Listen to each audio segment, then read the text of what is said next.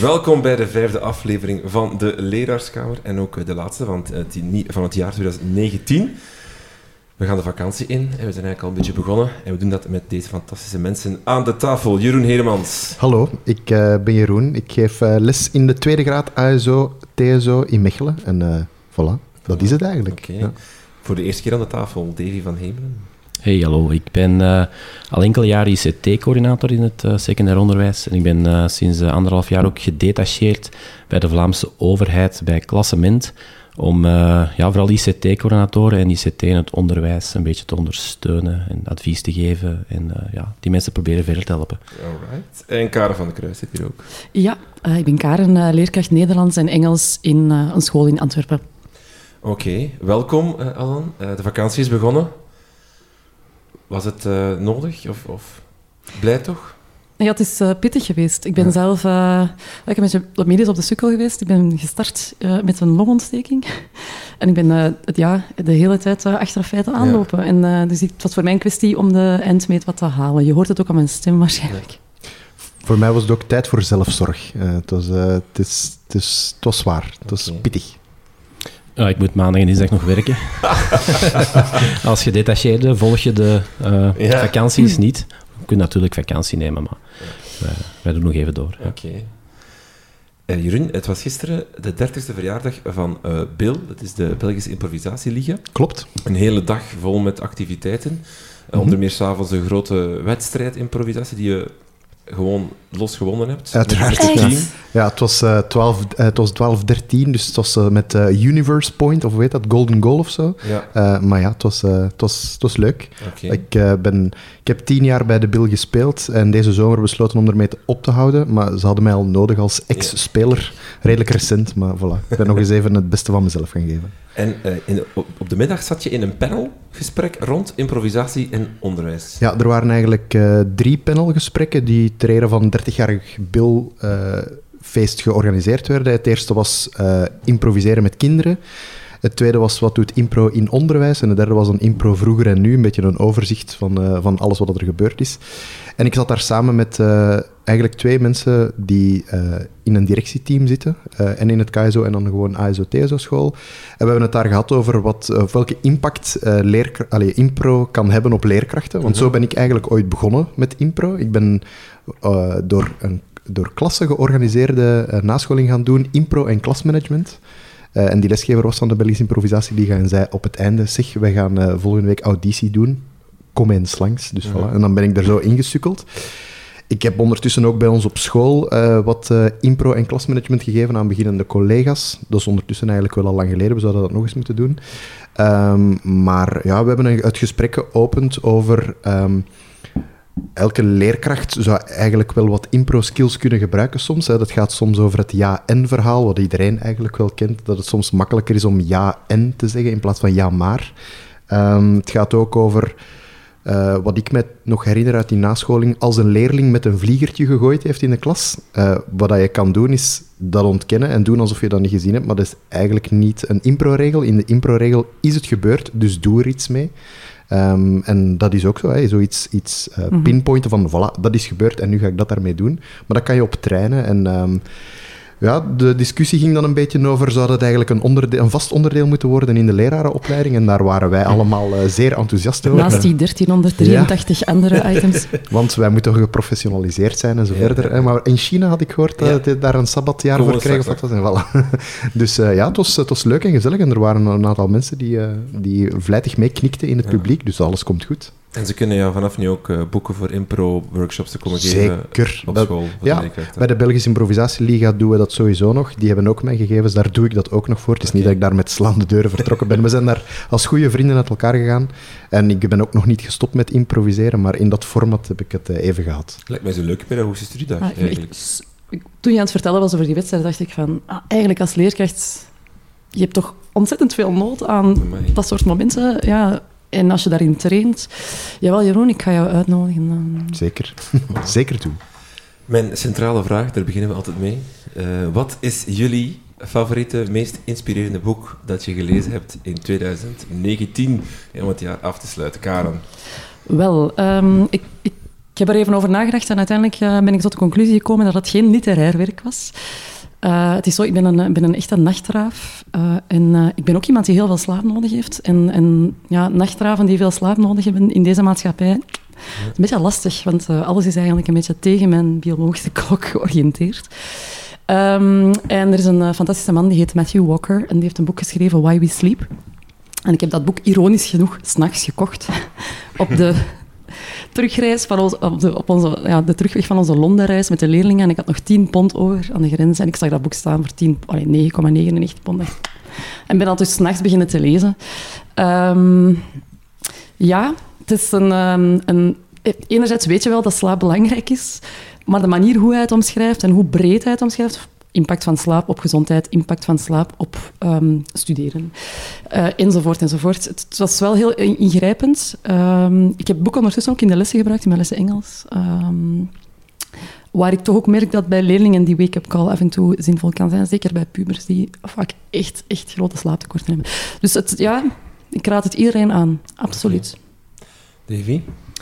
Um, wel, ik heb een aantal uh, boeken gelezen, maar niet zo heel veel die te maken hebben met mijn job aan zich. Maar ik, ben, ik heb er nu wel eentje liggen. Uh, ik heb uh, bijvoorbeeld onlangs ICT op school van Ken Parks doorgenomen. Hij was ICT-coördinator, uiteraard heel interessant.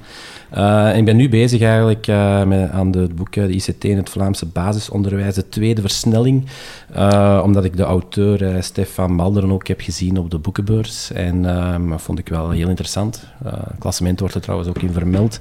Um, maar voor de rest heb ik uh, heel veel boeken gelezen die, die vooral uh, met de fantasy en uh, romanwereld en, en om je vooral te ontspannen eigenlijk. Hè. Dus mm -hmm. dat heb ik me ook wel voorgenomen om dat meer te gaan doen. Hè. Ik moet vaak al wel wat dossiers doornemen voor mijn werk. En, en, en als er zo'n een, een, een kennisnettendossier in Nederland verschijnt, dan, dan ben ik daar wel lang mee bezig om dat door te nemen.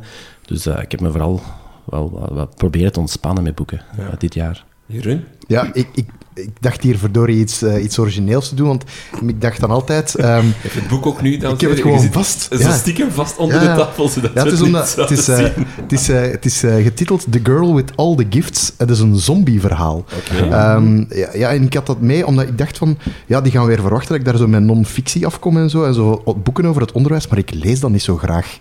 Um, dus toen die vraag kwam van wat was het meest inspirerende boek, dan ging ik even, even graven en ik heb deze zomer, want het is eigenlijk al een boek van 2014, dus het is niet zo recent.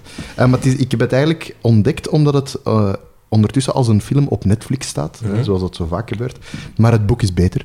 Um, het heeft wel een BAFTA-toestand gewonnen en okay. zo. Maar The Girl with All the Gifts gaat eigenlijk over een meisje dat elke dag uh, uit haar cel gehaald wordt um, en uh, naar de klas gebracht wordt. En de, de leerkracht die, uh, die daar les geeft, die inspireert haar enorm. Het is verteld vanuit het standpunt van het meisje. Ik wil niet te veel spoilen, maar het meisje is besmet met het virus wat in het boek... De zombie-apocalypse, uh, ja, weet wat ik bedoel. Um, en ja, het is, het is super aangrijpend, want het is zo...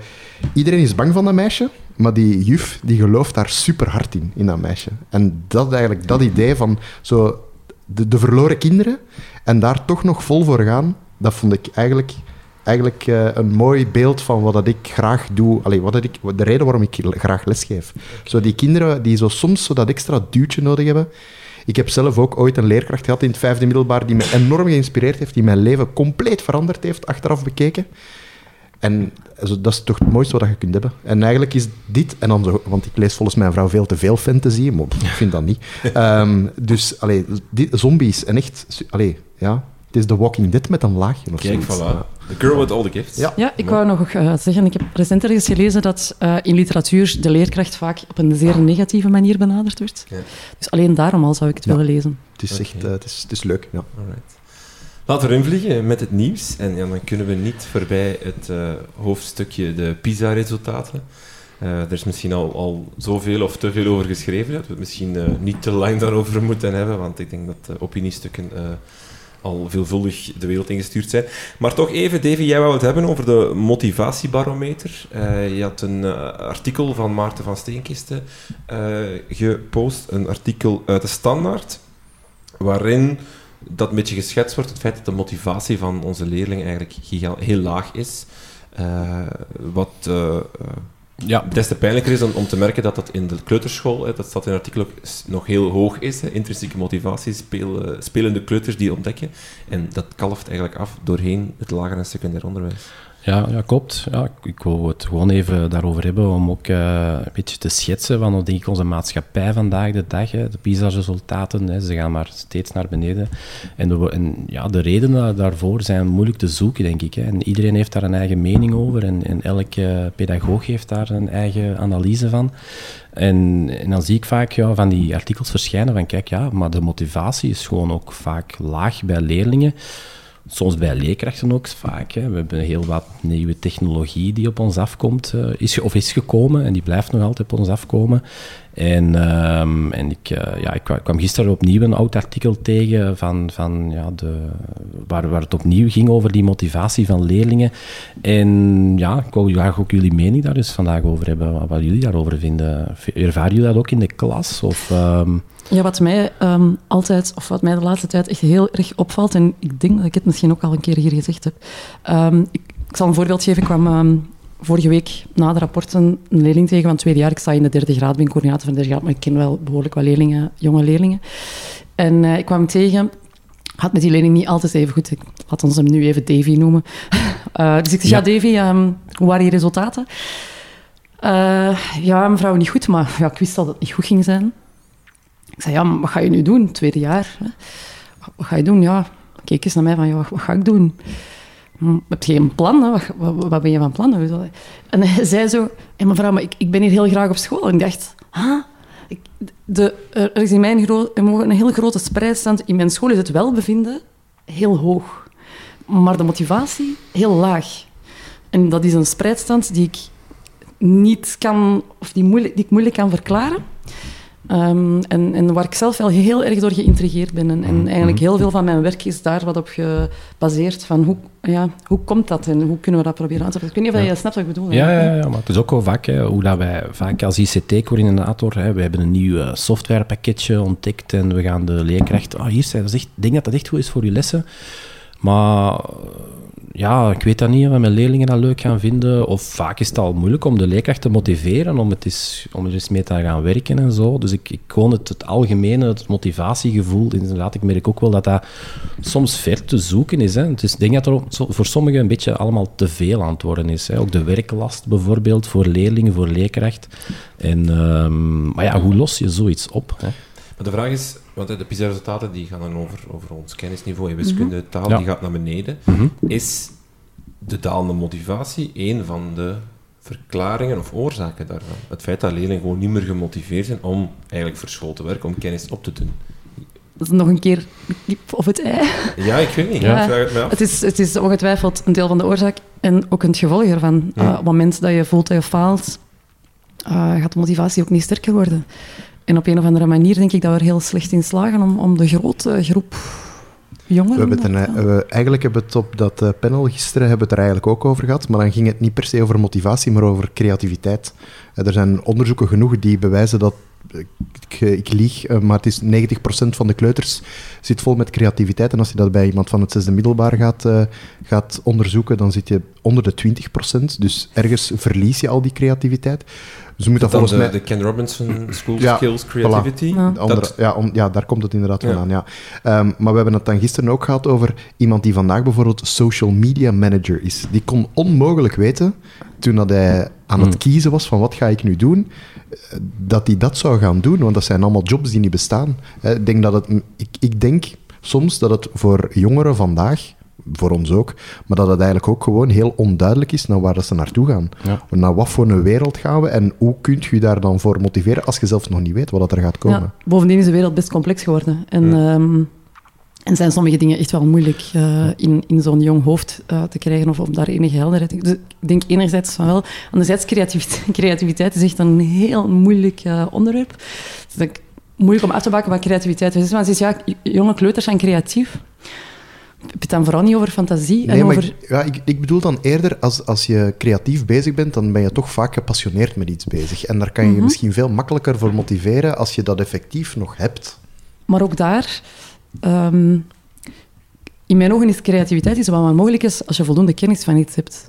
Dus uh, je hebt een bepaalde beheersing nodig om te komen tot... Ik bedoel, creativiteit is meer dan kunst en, en, en je kan ook in datgene wat wij doen creatief zijn. Vaak wordt dat... Uh... Zeker, maar het is dan natuurlijk... Dan heb je de vraag weer al, hè. kan je dan die kennis verwerven als je niet gemotiveerd bent? Hè? En, en, daar, zie ik, daar zie ik een parallel. Die, uh, mm -hmm. dat, dat onlosmakelijk met elkaar verbonden is. En, en ik kwam gisteren toevallig nog een artikel tegen van 2016 waar, waar het vermeld werd, hè, de pampergeneratie, wat wij nu vaak in de klas hebben, die thuis... Uh, alles, alles wordt ervoor gedaan.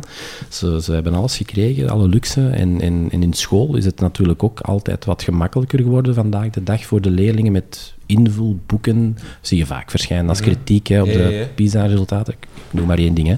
Ehm, heeft dat ook misschien mee te maken met, eh, met die... Ja, goh, ze, ze krijgen wel vaak voorgekoude dingen en is dan die motivatie of die eh, creativiteit soms, wordt die dan niet wat beknot? Of...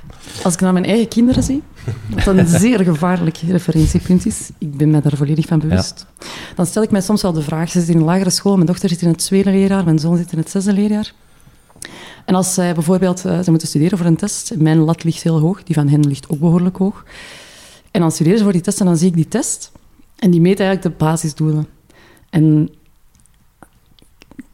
ik ja, zou het dan toch heel fijn vinden als er bijvoorbeeld vragen zouden zitten die, die ook al staat dat dan niet zozeer op punten, mm -hmm. maar die dwingen om kinderen wat meer te doen nadenken en, en dingen in verband met elkaar te brengen. Ook al is dat op dat moment misschien nog niet de eerste stap waar ze echt moeten aan toe zijn. Ja, ik heb de neiging dat door de focus op de eindtermen en de minimumdoelen, dat soms dat die lat gewoon niet hoog genoeg ligt. Hm, Of zie ik dat fout? Ja, ik weet niet of je dat herkent. Ja. Ouders uit het onderwijs zijn sowieso natuurlijk iets veel eisender. Maar die, je, je, merkt het hè, in de klas. Leerlingen hebben heel, heel vaak weinig drive om ergens vol voor te gaan. En je krijgt er soms weinig van terug, van de moeite die je erin steekt. Ik heb bijvoorbeeld, bij ons op school ben ik een van de klilleerkrachten die uh, geschiedenis in het Engels geeft. We hebben nu een opstart gehad in het vierde jaar, dit schooljaar. Mijn, mijn collega die kwam helemaal uh, ondersteboven uit een les waar dan een leerling gezegd had ja, u bent echt een van de minst motiverende leerkrachten die wij ooit al gehad hebben. Terwijl zij net een heel weekend aan een, een of ander onderzoek over, kolon, allez, uh, over kolonies en andere dingen... En die zei van, ik had er zoveel moeite in gestoken en dat kwam zo hard aan. Er, hè, want je doet dat juist allemaal voor die leerlingen en toch blijkbaar... En ja. heeft een beeld van wat dat dan juist... Ja, ze, er is een gesprek geweest en zo. Allee, er is, het, was, ja, het kwam van het... Er was, er was één instructie die ze blijkbaar een beetje te hoog had ingeschat voor de leerlingen. En op één van die... Dus ik denk dat het één van de twaalf instructies was. Maar omdat die instructie nu net te moeilijk was, haakte de hele klas klassikaal af van dit is... Dit, heel die opdracht is te moeilijk, terwijl het eigenlijk maar één onderdeeltje was. Zelfs geen één tiende. Uh, en daar zijn ze echt massaal op, uh, op afgeknapt. En dan moet ik de vraag stellen, hè, ICT in de klas, gaat dat de motivatie helpen of niet? Niet, ah, ja. het, was, het was trouwens een uh, compu- ah, ja? uh, deels computeropdracht, dus, uh, maar ja, een computeropdracht is dan ook weer zo een, een brede lading. Ja. Ik vind het wel een van de dingen die mij enorm kunnen demotiveren, eigenlijk met hetzelfde verhaal, dat je, dat je iets voorbereidt en dan kom je in die klas binnen en je denkt, ik heb hier iets echt tof gedaan met keuze. Ik vind dat, dat, dat keuze creëren voor een leerling, mm -hmm. dat is, er wordt altijd veel over gedaan dat dat belangrijk is, maar dat is ook gewoon meer werk voor jou als leerkracht, ja, dat je het eruit of keert. En dan, als dat dan niet goed ontvangen wordt, probeer daar heel hard uh, uh, mee over te zetten, omdat je weet dat dat ook soms primaire reacties zijn. Hè. Um, mijn voorbeeld is altijd uh, leerlingen van, van de B-stroom, die kunnen u een heel jaar lang het leven zuur maken, bij wijze van spreken, en u gaat verder aan motivatie. Maar gegarandeerd als je het jaar daarna, of twee jaar daarna, die leerlingen tegenkomt, mm -hmm. dat zijn de leerlingen die wuiven, die... Ik had het, uh, over laatst hadden we een schoolfeest met zowel de boven- als de, uh, de laagbouw, en de enige leerlingen die met mij zijn komen praten, maar echt mij aanspreken en een bouw doen, dat zijn die leerlingen die van de B-stroom, die je dan een heel jaar mee mm -hmm. gevochten hebt. Maar ik heb wel soms het gevoel als het niet voor punten is, dan doen ze hun best niet. Dat is zo een dooddoener uitspraak, ik weet het. Maar het is waar. Maar het is waar. Maar dat is, dat is toch heel... Maar... Dat is jammer. Ik, ik vind ook, er is bij ons op school ook, ze proberen nu eigenlijk zo weinig mogelijk parallel te zetten. Eh, zodat je met andere mensen parallel kan samenwerken en dat je niet altijd maar dezelfde uren moet geven. Maar ik vind het soms wel heel verfrissend om eens twee keer na elkaar hetzelfde te Mm. mogen geven, want dan kan je heel vaak vergelijken. Dan merk je soms van, ah ja, oké, in die klas sloeg dat niet aan, om die reden, maar in die klas is dat juist wel gelukt. Oef, Ja. ik ben niet zo slecht bezig. Maar is bijvoorbeeld dan zo'n puntensysteem dat wij nu hebben, dat doordrongen is en vanaf ons lager onderwijs tot, tot bij wijze van spreken, dat je stopt met studeren, hè, dat puntensysteem, dat eigenlijk als je dat... Hè, Maarten van Steenkisten is de grondlegger van, van, de, van de zelfdeterminatietheorie rond motivatie. Eh, vanaf dat je er punten aan koppelt, is je intrinsieke motivatie eigenlijk wordt die afgeknot en is die op een deel weg. Wordt het excentriek of wordt het... ja, enfin, er zijn termen voor. Mhm. Is dat dan niet een van de grote boosdoeners? Het feit dat intrinsieke motivatie afkolft. Je begint in een kleuteronderwijs waar punten minder van belang zijn. Waar dat je gewoon opdrachtjes en creativiteit en weet ik veel wat allemaal. En dan ga je door naar dat systeem dat veel meer punten gedreven is, veel meer resultaat gedreven is. Tja, ik denk dat op een manier kan dat motiveren, maar dat hoeft daarom niet altijd met punten te zijn. ik. Je moet natuurlijk ergens kunnen meten. Als, je, als je kijkt naar leerlingen, ehm, als ze hun games aan het spelen zijn, wat krijgen ze constant? Eh, achievements eh, in hun game en je hebt de level omhoog. En omdat ze iets, eh, iets uitgespeeld hebben en zo. En, en, en, en, En badges. en badges en, en, en een Fortnite skin of zo, weet ik veel. het, je ziet van alles.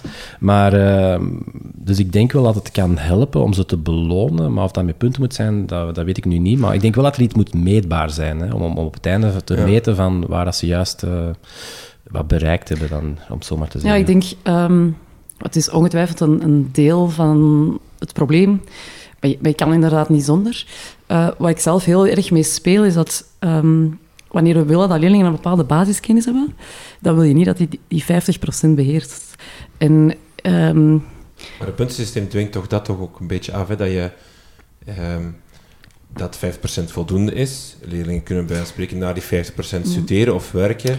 Ehm, maar er als je dan minder zou communiceren of minder zo zou, dan zou je juist wel hoger of meer kunnen verwachten. Maar soms denk je, eh, ik sta ook in, natuurlijk in die, in die derde graad, waar je le- moet, leerlingen moeten een bepaalde basiskennis hebben. En met die basiskennis moeten ze dingen doen. Vaardigheden en zo toepassingen en inzichtsvragen. En, maar om een inzichtsvraag te kunnen beantwoorden, moet je kunnen terugvallen op een basiskennis, op basisterminologie en zo verder. Wanneer dat ontbreekt, ja, dan kun je eigenlijk de facto al die vragen niet beantwoorden.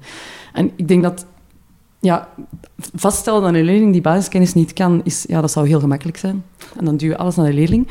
Eh, dat in je lessen trekken, ik trek dat een stukje in mijn lessen, maar ik denk dat we als leerkracht strenger moeten durven zijn en zeggen van, kijk, ja, maar voor deze leerstof maar ligt de lat niet op 50%, maar ligt de lat op 75% of 80%. En, en dat doen we heel weinig. Als je in een eerste jaar spellingsregels geeft en je test spellingsregels en die leerling haalt 5 op 10, want die maakt 5 op de 10 Mhm. fouten, ja, dan kent hij de spellingregel niet. Mhm. En Ja. daar, daar zit ik zo soms mee gevrongen. In het rapport van mijn, van mijn kinderen in de lagere school staat wel, denk ik, naast het cijfer voor wat, wat er eigenlijk verwacht wordt, denk ik. Dus dat wordt af en toe wel, wel gedaan. Als hij 9 op 10 haalt, maar eh, er wordt minstens verwacht van 8 op 10 te halen of zo, dan, dan staat het er wel in sommige... ah, dat, eh, Ja. Maar minst, allee, er wordt minstens verwacht om 8 op 10 te halen. Dan is die 8 om 5 in mijn ogen. Snap je Ja. wat ik wil zeggen? Ja. Dat- ja, ja. ja. Ja, ja, ja. ik denk dat je... Ja, en je ja, kweekt- maar ja, ik- maar- ik denk dat je dat er zo... Door onderzoek... eh, ja, ik zal maar zeggen... Mijn dochter heeft ook een beetje logopedie gevolgd en dan worden die ook een beetje onderzocht en, en dan krijgen die ook een soort leeftijd opgeplakt van... Ja, een kind van vijf jaar moet eigenlijk dit kunnen op die leeftijd. En ik denk dat ze eerder daar dan ook naar die meetbaarheid kijken. Van als een kind eh, in het derde leerjaar zit, ja, dan, dan zou hij dat moeten behalen. En ja, is dat dan het minimum? Ja, waarschijnlijk. Hè, dat zal dan de eindterm zijn. En je moet ergens een lat leggen, zeker. Maar ik En- denk wel dat, dat wij onze kinderen in de lagere school voeden met hoge punten. En dan komen die in het secundair. En dan verandert dat al een stuk. Ja. Want ik weet niet hoeveel leerlingen er bij jou 9 op 10 halen. Maar als ik in de lagere school 9 op 10 is een heel normaal cijfer. Bij mijn, Ehm. bij mijn kinderen op school is het zo dat er eh, op het rapport een cijferwaarde staat, maar daarnaast staat er ook een kleur. Eh, Dus als je soms een, als je 6 op 10 haalt, kan het voor jou groen zijn, omdat dat dan is wat, dat, wat dat de leerkracht vindt, vindt dat een goed punt. Hè? Dat is om, om, om, ja, de, maar langs de andere kant, eh, dan krijg je bijvoorbeeld, want ik hoor u zeggen van, eh, er wordt zo'n leeftijd opgeplakt, Mijn dochter zit in het derde leerjaar, kreeg op haar rapport nu uh, een punt op sch uh, schrijftempo. Mhm. En dat uh, stond dan in grote letters bij niveau tweede leerjaar. En dat was dan een oranje bol. Maar dan moet je eigenlijk weten dat ze in oktober hadden gezegd, ja, je schrijft nogal slordig, dus nu is ze eigenlijk heel erg haar best aan het doen om mooi te schrijven, maar daardoor schrijft ze trager. Oké, okay, dan, ja. maar dan, ja, ja, dat, is, dat, is, dat, is, moeilijk, hè, want ja, je, ik, ik begrijp het kleurensysteem, hè, dat, je, dat je soms hè, dat de verwachtingen hoger liggen of lager liggen dan, uh, maar... Maar waar zijn we dan als leerkracht mee bezig? Hè? Je moet een cijfer geven, daarna moet je nog een kleur geven. Mm -hmm. aan... ja, ja. Dat, dat is heel bizar, een verhaal van uh, een... Uh, klassenraad over laatst in de 1B. En uh, was een heel goede leerling in 1B. En ik vraag, hoe komt het dat hij in 1B zit eigenlijk? Want ik vind dat die... Allee, ik heb een 1A-leerling, of ik ken een A-leerling die minder sterk zijn. En want je mag niet meer naar 1B zonder diploma uh, lager onderwijs. En er wordt even gekeken in het leerlingvolsysteem. En er staat bij diploma ja. En ook de punten staan erbij. En die heeft wiskunde, Nederlands en Frans, denk ik dat de, de, punten erbij. En zo 60, 70, 60. Dus er ontstaat een beetje algehele paniek op die klasraad. Want oh, is er hier een grote administratieve fout gebeurd? Die bleek uiteindelijk niet gebeurd te zijn. Ze had, dat was fout ingevuld. Maar die punten klopten wel. En ik vroeg dan, als je 60, 70, 60 haalt, dan zijn je toch geslaagd. Allee, hoe kan dat? Blijkbaar... Uh, zijn lagere schoolresultaten niet... Allee, de 60 is niet overal hetzelfde en je kan een aangepaste toetsen hebben, omdat je bijvoorbeeld uh, mm -hmm. um, een, een, leerachterstand of een achterstand of een... Of een uh, hoe noem je dat? Een, een uh, iets hebt waardoor je dat niet kan doen en dat je een hoger resultaat had, maar eigenlijk wil dat, dat niet hetzelfde zeggen als maar dat. dat is toch een probleem? het is gewoon, je kan er eigenlijk niet zo heel veel uit halen. Uit, uit, dus we zouden dringend eens een leerkracht lagere onderwijs hier aan tafel moeten ja, hebben. Die ons, wie komt? Wie komt? Ja. Laat iets maar, weten. Ja, mensen mogen zich altijd kandidaat Graag, zeer graag. Oké, okay, uh, misschien... Um, Karen, jij wou even het lerarentekort er terug uh, bijhalen. Goh ja. Een, um... een, tweet van, van Peter Verlee, die uh, leerkracht is, vader, pleegouder, Antwerpenaar en vakbondsafgevaardigde, om zijn Twitter-bio even volledig te citeren. Uh, het gaat eigenlijk over het feit dat duizenden leerkrachten werken in het onderwijs ter vervanging van een collega die om psychosociale reden uitvalt. Hij heeft daar een draadje over gepubliceerd, zoals het dan heet op Twitter. Ik zal even wat, uh, wat, cijfers geven. In 2017 waren leerkrachten volgens Certiwet uh, 2.738.618 dagen ziek. De, er staat zelfs de link bij waar je dat kan vinden. Volgens datzelfde rapport werden dat jaar 1.918.427 dagen vervangen. Om en bij de 39% van dat ziekteverzuim is om psychosociale redenen. Wederom volgens hetzelfde rapport. Dat geeft dan 748.186 vervangen dagen voor collega's waarvan geweten is dat ze om psychosociale redenen uitvallen. 750.000 als we afronden. Als we dat uh, proberen omzetten, dat doet Peter dan uh, naar dagen, wil dat eigenlijk zeggen dat je op 200 dagen per werkjaar komt, dan kom je op 3741. Dus eigenlijk een gigantische uh, aantal leerkrachten die uitvallen om psychosociale redenen, die het leraartekort voeden, zullen we maar zeggen. Ja, ik was uh, wel even stilletjes van die cijfers, denk ja. ik. Nu nog, als je ze een keer voorleest. Um, misschien nog niet alleen door die psychosociale redenen, want laat ons eerlijk zijn, daar zit een veelheid van oorzaken achter. Ja. Dus uh, ik denk dat het daar inhoudelijk, dat het niet zinvol is om het daarover te hebben.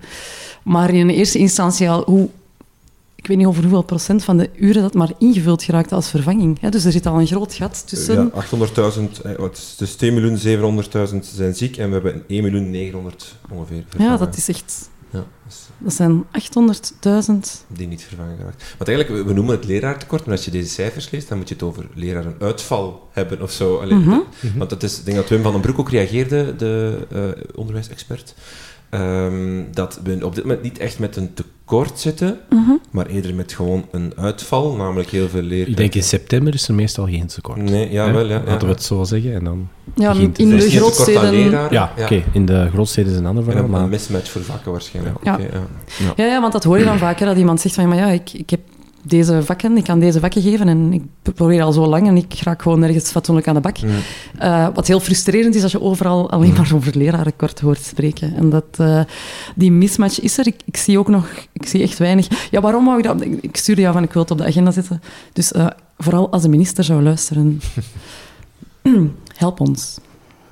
En, en, en ook inderdaad, ja, dat, dat- sta even stil bij de gigantische hoeveelheid uren die niet ingevuld worden. Waar ik op school merk dat het ontzettend moeilijk is om iemand die langdurig uitvalt, om die tijd voor die leerlingen op een goede manier in te zetten. Er zijn zoveel noden, maar praktisch gezien is dat gigantisch moeilijk om, vind, vind ik. Ik weet niet hoe dat op jullie school dat regelen, maar als, als er een leerkracht langdurig uit is, dan vallen er een bepaalde uur. Ja, we hebben wel wacht, we hebben een aantal leerkrachten van wacht. Eh, bij ons is het nog zo dat hoofdzakelijk nog één leerkracht van wacht naar één klas gaat, waar mogelijk. Dat we leerlingen niet samenzetten, dus die zitten nog wel gewoon in hun eigen lokaal. Maar ja, zinvolle taken voorzien, wie verbetert die, hoe ga je daarmee om? Dat gaat over veel uren. Ja. Echt veel uren. Dat komt meestal nog eens op de nek van de collega's, die Ja, dat ja. dan ook nog eens wat extra druk krijgen en misschien ook het risico lopen om dan... Ja, die druk wordt Ja, inderdaad groot. Ja. En laat ons de impact op het budget van onderwijs niet onderschatten. Hè. Je betaalt Twee heel veel leerkrachten die... Dub, allee, Ja, de betaalt dubbele dubbel, bezetting ja. bijna voor... eh, En ook wel de impact op motivatie. Want Ja. we hebben op school nu ehm, echt wel een aantal leerkrachten die, die inderdaad dingen die we niet ingevuld kregen, leerkrachten die uitvallen, sa- samen. En dan komt dat toevallig samen in... Ja, je weet dat niet op voorhand. Hè. Je weet niet, komt toevallig samen in, in bepaalde klassen die dan echt veel studie hebben. Maar kom dan nog maar eens na twee uurtjes studie, eh, studie tussen aanhalingstekens, eh, kom daar nog maar eens je les geven. Ja. Ja, die, die sfeer, die context. eh, en, en een van de dingen die ik zelf heel frustrerend vind, is dat het heel moeilijk is om die uren die er zijn, met noden die heel hoog zijn, voor wiskunde, voor, voor Nederlands, voor veel andere vakken, hoe dat dat ingevuld hebben. Dus als er mensen zijn die luisteren en die op, hun scholen goede systemen hebben gevonden om dit soort eh, problemen op te vangen, laat ze weten, alsjeblieft. Oké, en eh, een van de meest gelezen stukken op Pedro de Bruiker zijn blog deze maand was zijn pleidooi voor meer tijd voor leren in onderwijs. De Thalys-resultaten duiden aan op een eh, toch wel lichte daling van 78 naar 75 procent in Vlaanderen, waar dus van, de, van het uur kan 75 procent wordt besteed, aan leren, effectief aan leren. Eh 10 procent aan administratieve taken eh, en dan hebben we nog 15% over voor discipline in de klas. Eh, de, maar de, daling is niet zo groot, maar het valt wel op dat die groter is dan in onze omliggende landen. Ehm, eh, merken jullie dat ook? eh, dat dat geminderd is? Of dat je daar dat je meer moet doen, waardoor je minder kan lesgeven? Er is inderdaad, er zijn veel van die administratieve prullen. Eh, bijvoorbeeld, dat is, dat is dan zo weer, ja, dat is weer heel toevallig en dat komt weer allemaal samen. Maar er was bij ons een beetje misbruik eh, op school van het brandalarm. Er, was, daar had een klas niet beter op gevonden om vier weken na elkaar het eh, brandalarm te laten afgaan. Bleek telkens een uur voordat ze een toets hadden. Ehm, dat is met black, blacklight-poeder eh, uitgevogeld door de mensen van het secretariaat. Dikke pluim daarvoor. Amai, ja. Ehm, maar, CSI. ja, dat is echt tof. dat, is, dat is echt een tof verhaal, want dat was echt zo... Met de, de mensen van het secretariaat gingen dan het lokaal binnen met zo'n blacklight en dan eh, iedereen moest zijn handen laten zien. Dat was heel tof. Eh, Ik vond dat al op zich eh, vernoemenswaardig. Eh, maar, maar daardoor moesten wij dan, eh, hebben we dan de brandweercommandant uitgenodigd en dan had het, ging het over misbruik van het brandalarm. En nu zijn er overal nieuwe plaatjes boven de brandalarmknoppen van deze knop redt mensenlevens. En we moesten dan een voorlichtingsfilmpje laten zien en de brandweercommandant kwam dan praten. En dat is allemaal heel goed en heel nobel en heel nodig. Maar ja, dat, ik- dan krijg je zo zondagavond weer een e-mail van de directie van ja jongens, eh, morgen moeten we dat voor, voorlichtingsfilmpje laten zien. En dan, ja, dat duurt vijf minuten. En dan, ja, uiteraard, eh, als iedereen tegelijk dat filmpje wil laten zien, dan zegt Telenet, nee, dat gaan we niet doen. En dan, eh, want dan is dat overbelast, dat netwerk. En dan, ja, en dan, oh, ja. Dus het zijn altijd zo prullen, hè. Maar dan komen we toch op de discussie, van, want wat je zegt, het is heel nobel wel, wel wat je doet. Hè. Je Dat is doet nodig ook, ja. Ja? Dus moeten we dat dan erg vinden? Dat we eh, meer tijd besteden aan dat soort dingen? Hè? Want eh, er zijn heel veel eh, kleine dingetjes die zo gebeuren. Hey, je doet mee aan een actie, of je doet iets voor de warmste week en dan moet dat opgehaald worden. Of je doet hey, de verkoop van dat en dan moet dat in de klas geregeld worden. Dus, dus Moeten we dat erg vinden, dat daardoor de leertijd vermindert en de gevolgen die dat met zich meebrengt? Of moeten we daar toch echt iets aan gaan doen? Sommige dingen zitten wel, denk ik, in het feit om, om het leren om een, burger te worden. Eh, De, de, de Rode Neuzendag of zo, zulke acties op school, denk ik, kunnen wel. Maar het doet me ook een beetje denken aan een draadje dat ik eh, op Twitter eh, onlangs tegenkwam, denk je door mijn collega Bram Faams gedeeld. Ehm, over uh, de, de, de, stempels uh, die je moest zetten voor uh, naar de dierentuin te kunnen of zo. met uh, fluo, fluo, fluo, ja. ja. dat er een leerkracht over aan een beetje een, een, betoog aan het voeren was. Kijk, ik ben er elke keer tien minuutjes aan kwijt per dag voor die stempels. Als ik dat maal zoveel dagen doe, dan ben ik x aantal dagen, ik ben de exacte cijfers even kwijt, maar het kwam, het kwam op een aantal dagen dat hij minder kon lesgeven. Dus ja, dat, dat snap ik wel, hè, dat er sommigen daardoor wel dat in vraag gaan stellen. Hmm. Maar het is natuurlijk wel bewustwording van. Hè. Um, dus, niet verliezen dat we dat doen. Voilà, voilà. Nee. Uh, maar, maar ik begrijp wel dat sommigen het in vraag stellen. Ja, ja. ik denk gewoon ook wel... Um, ik, ik, ga, ik treed jou bij dat je zegt van dat is een soort van burgerschapsvorming en scholen doen daaraan... Uh, dat is een van onze kerntaken, denk ik ook wel. Ja, ja. En we doen dat in hoe onze scholen georganiseerd zijn. Als ik dan kijk naar de modernisering, dan zie je bijvoorbeeld ja, het vak mens en maatschappij. Ik, wil, ik mag hier niet te kritisch zijn, maar ik, ik zie volledig het, het, nut van dat vak, maar dan, dat speelt ook heel erg in in die noden. En ja, dan doe je natuurlijk dubbel op. En je moet voor vakken die tot hoofdvakken kunnen gerekend zijn, geef je uren af. We geven uren Nederlands af, we geven uren Frans af. En dan kun je wel de vraag stellen, ja, is, is dat nu de richting die we willen uitgaan? Ik, ik merk heel veel versnipperingen. Ik had ook wel gevraagd om het nog te kunnen hebben over de basiscompetenties van het tweede jaar. Eh, maar we gooien het er ineens uh, in. De basisopties moderniseren in het tweede jaar. Ja, ja. een beetje aansluitend. Hè? Dus ik, ik merk... Um, ik sta zelf in de derde graad. Ik probeer dat zo goed mogelijk te volgen. En alle nascholingen voor intern nog mee extra te volgen. Dat is een best een uh, pittig programma. Uh, en ik probeer ook echt mee te zijn. Het is niet gemakkelijk. Uh, maar wat ik zie... Dus in het tweede jaar gaan we basisopties krijgen van vijf uur basisoptie. Ja. Binnen verschillende domeinen dan. Um, en binnen die basisoptie krijg je een pakketje. Het kan dus zijn dat je dan bijvoorbeeld nog Nederlands hebt binnen de basisoptie. En dat uur kan je dan plakken aan de gewone uren Nederlands, als je dat zou willen. Uh, maar je moet dan wel zorgen dat je in dat ene uur specifiek werkt aan de doelen van de basisoptie. En het wordt zo complex. Dus eigenlijk, dus je hebt 25 uur uh, basisvorming, daar zitten de, gewoon zo alle geschiedenis, aardrijkskunde en ook uh, 4 uur Nederlands, 4 uur, uh, 3 uur Frans mhm. -huh. en 4 uur wiskunde in ongeveer. Dan heb je 2 uur differentiatie dat je moet geven, dat, dat is verplicht, differentiatie. Uh, in je tweede leerjaar. Je moet dat kunnen aantonen dat hij dat doet. Hoe dat hij dat doet, dat, er is geen handboek. Dus je kan zeggen, ik geef uur wiskunde en nu Nederlands bij. Je kan dat een vak differentiatie van maken, maakt niet uit. En dan heb je vijf uur basisopties. Daar het verschil met nu is dat de basisopties uh, een beetje gestroomlijnd worden. Ze krijgen allemaal dezelfde naam. Je krijgt ook klassieke talen, economie en organisatie, moderne talen, wetenschappen, kunst en creatie en zo. Dus uh, de, de zotte namen die overal gaat uh, tegenkomen, die zullen misschien blijven bestaan, maar daaronder zit een vaste basisoptie. Maar, maar je waar creëert ook voorkomen. Eigenlijk nieuwe vakken met nieuwe leerplannen. Ja, want er komen leerplannen. Nu hebben die geen leerplannen blijkbaar. Ja, die je dan moet koppelen aan deels aan bestaande Allee, je kunt die koppelen. Dus je kan dan bijvoorbeeld zeggen, ja, een leerkracht dan, zal zeggen 4 plus 1 uur Nederlands. Maar dat ene uur Nederlands, daar moet ook wel transparant van zijn, of die leerling die doelstellingen specifiek behaalt. En het, het, het wordt allemaal zo complex. Bovendien, de basisopties mogen geen voorafname zijn van het nee, derde jaar. Vooral die voorafname, ja. Daar dat is bij ons ook heel veel discussie over. Een moeilijke discussie. Wat doe je met die leerlingen in die vijf uur ja. dat zinvol is, waar de lat hoog genoeg ligt, maar waarvoor je niet zorgt dat een leerling die die basisoptie niet volgt en die toch kiest om in het derde jaar verder te gaan binnen dat domein, dat die niet in de problemen geraakt. Dus je gaat in het derde jaar nog veel meer heterogeniteit krijgen. Want de basisoptie is niet... Het is niet zo dat als je een basisoptie volgt dat je verder moet gaan in dat domein. Ja, dus concreet, als iemand kunst en creatie kiest in het tweede jaar, kan die in het derde jaar nog altijd uh, wetenschappen... Wij zitten daar met een, eh, met een groot probleem, omdat wij in, in het Mechelse bekend zijn als een sportschool.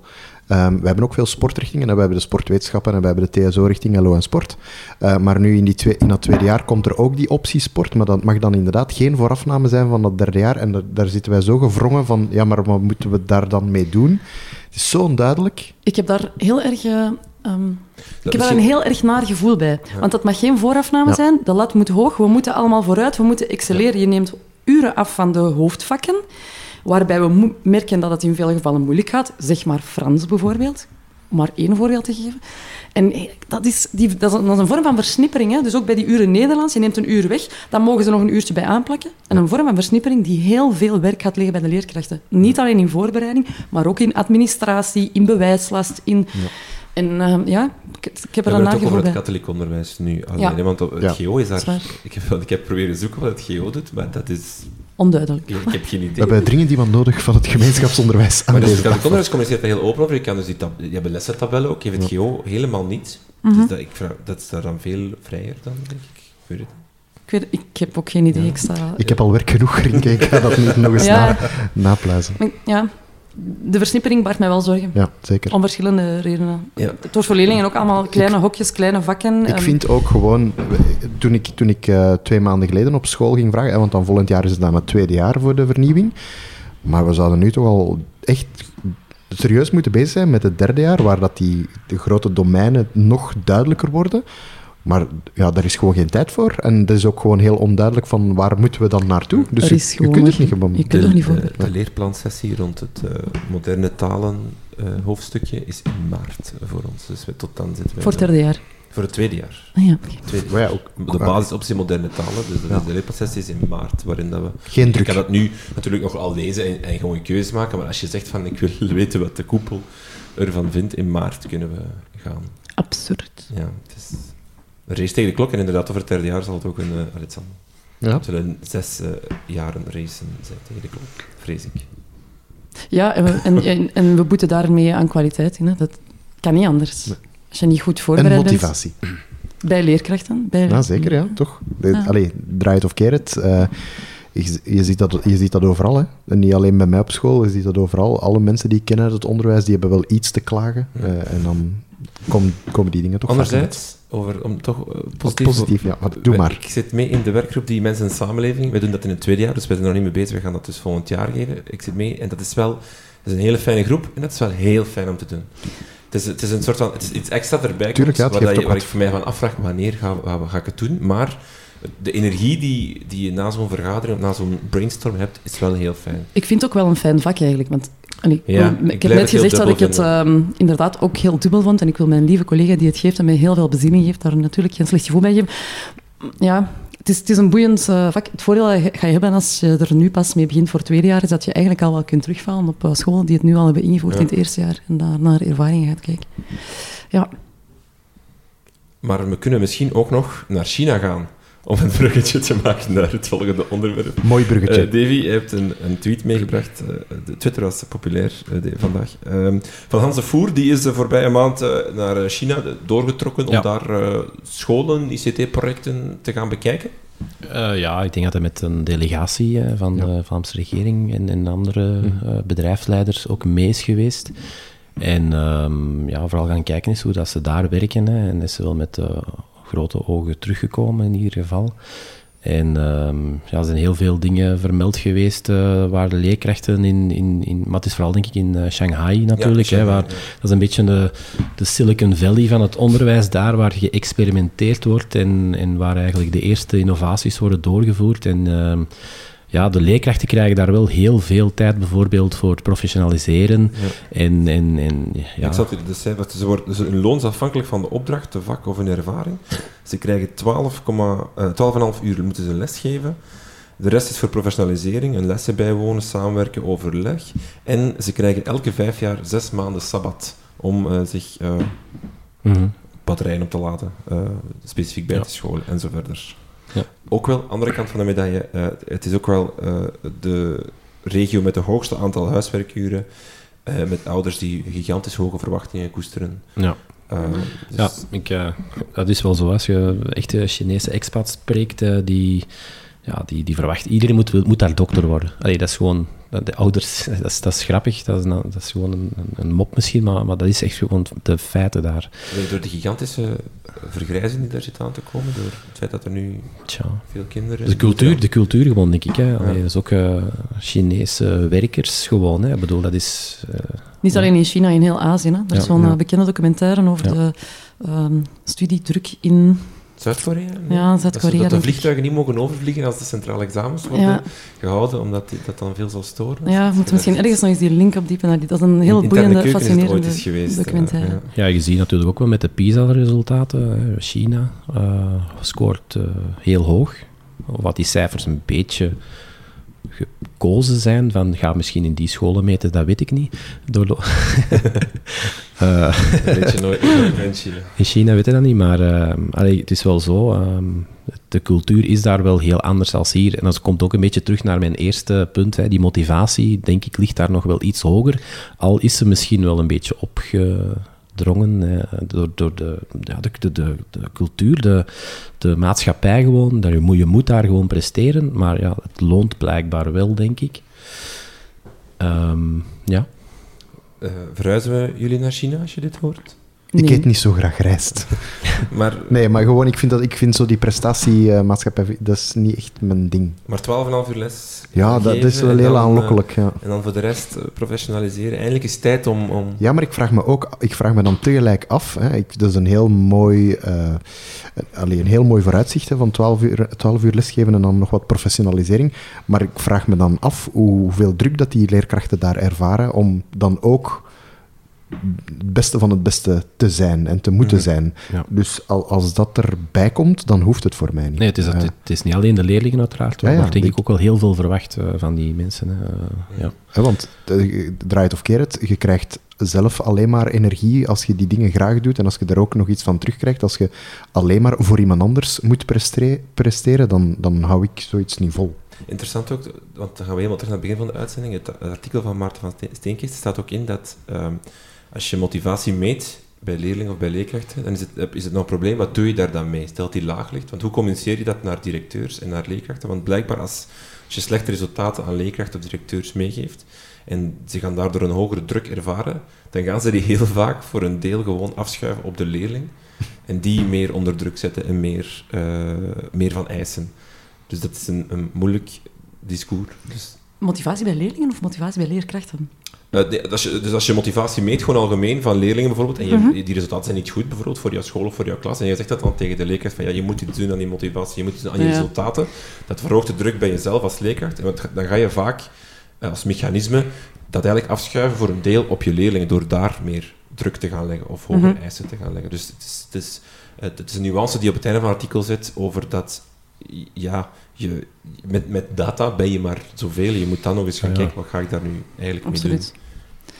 Ja, zo de discussie van ze werken als ze voor punten moeten werken, dus laat ons alles gewoon op punten zetten Ja. en dan weer gaan ze werken. Ja. dat is een Maar- gevaarlijke. Ik denk het professionaliseren van leerkrachten, dat dat gewoon wel een belangrijk punt zal worden zo de komende jaren. Hè. Ik bedoel, eh, in de MICTIVO-resultaten zie je ook dat dat eigenlijk weinig gebeurt. Hè. Eh, dat, eh, dat, dat, eh, ik denk het een vijftal dagen maar ongeveer gemiddeld dat er wel geprofessionaliseerd wordt, maar dan één dag voor ICT, dat heb, dat heb ik onthouden, of 0,9 dagen, wat op zich dan allee, belachelijk weinig is als je die Chinese eh, cijfers het bekijkt. gaat ook hè. inderdaad over de, de, het, de tijd ervoor hebben. En want Ja. als ik bijvoorbeeld, bij mij is dat dan nu in, die, in mijn huidige lesrooster een donderdag. Als ik een donderdag een nascholing ga volgen, dan heb ik zoveel werk met al die vervangingsopdrachten die ik Ja. moet maken. En dan moet ik dat achteraf ook nog allemaal Ja, gaan verwerken.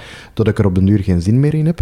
Bovendien vind ik ook dat in het eh, professionaliseringsaanbod, in het nascholingsaanbod, heel vaak het, eh, ja, tussen aanhalingstekens, voorgevorderde ontbreekt. Ja. Eh, ik, ik heb geen PowerPoint voor beginners nodig. Ik heb geen Prezi voor beginners nodig.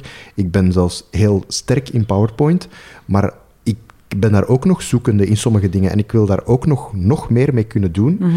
Ik denk ook soms dat ik daar veel mensen niet zou kunnen over bijleren, maar ik, ik mis als gevorderde, pas op, niet bij alles, hè, maar ik ben niet in alles gevorderd, maar in die onderdelen waar ik gevorderd in ben, daar ben ik som- soms ook heel actief op zoek naar navorming of professionalisering en die vind maar ik niet. ja, ik vind ook wel dat je heel veel eh, kan vinden offline. En dat dat een beetje de, de offline professionaliseringscultuur hier in Vlaanderen is. We gaan allemaal graag naar een ICT-dag.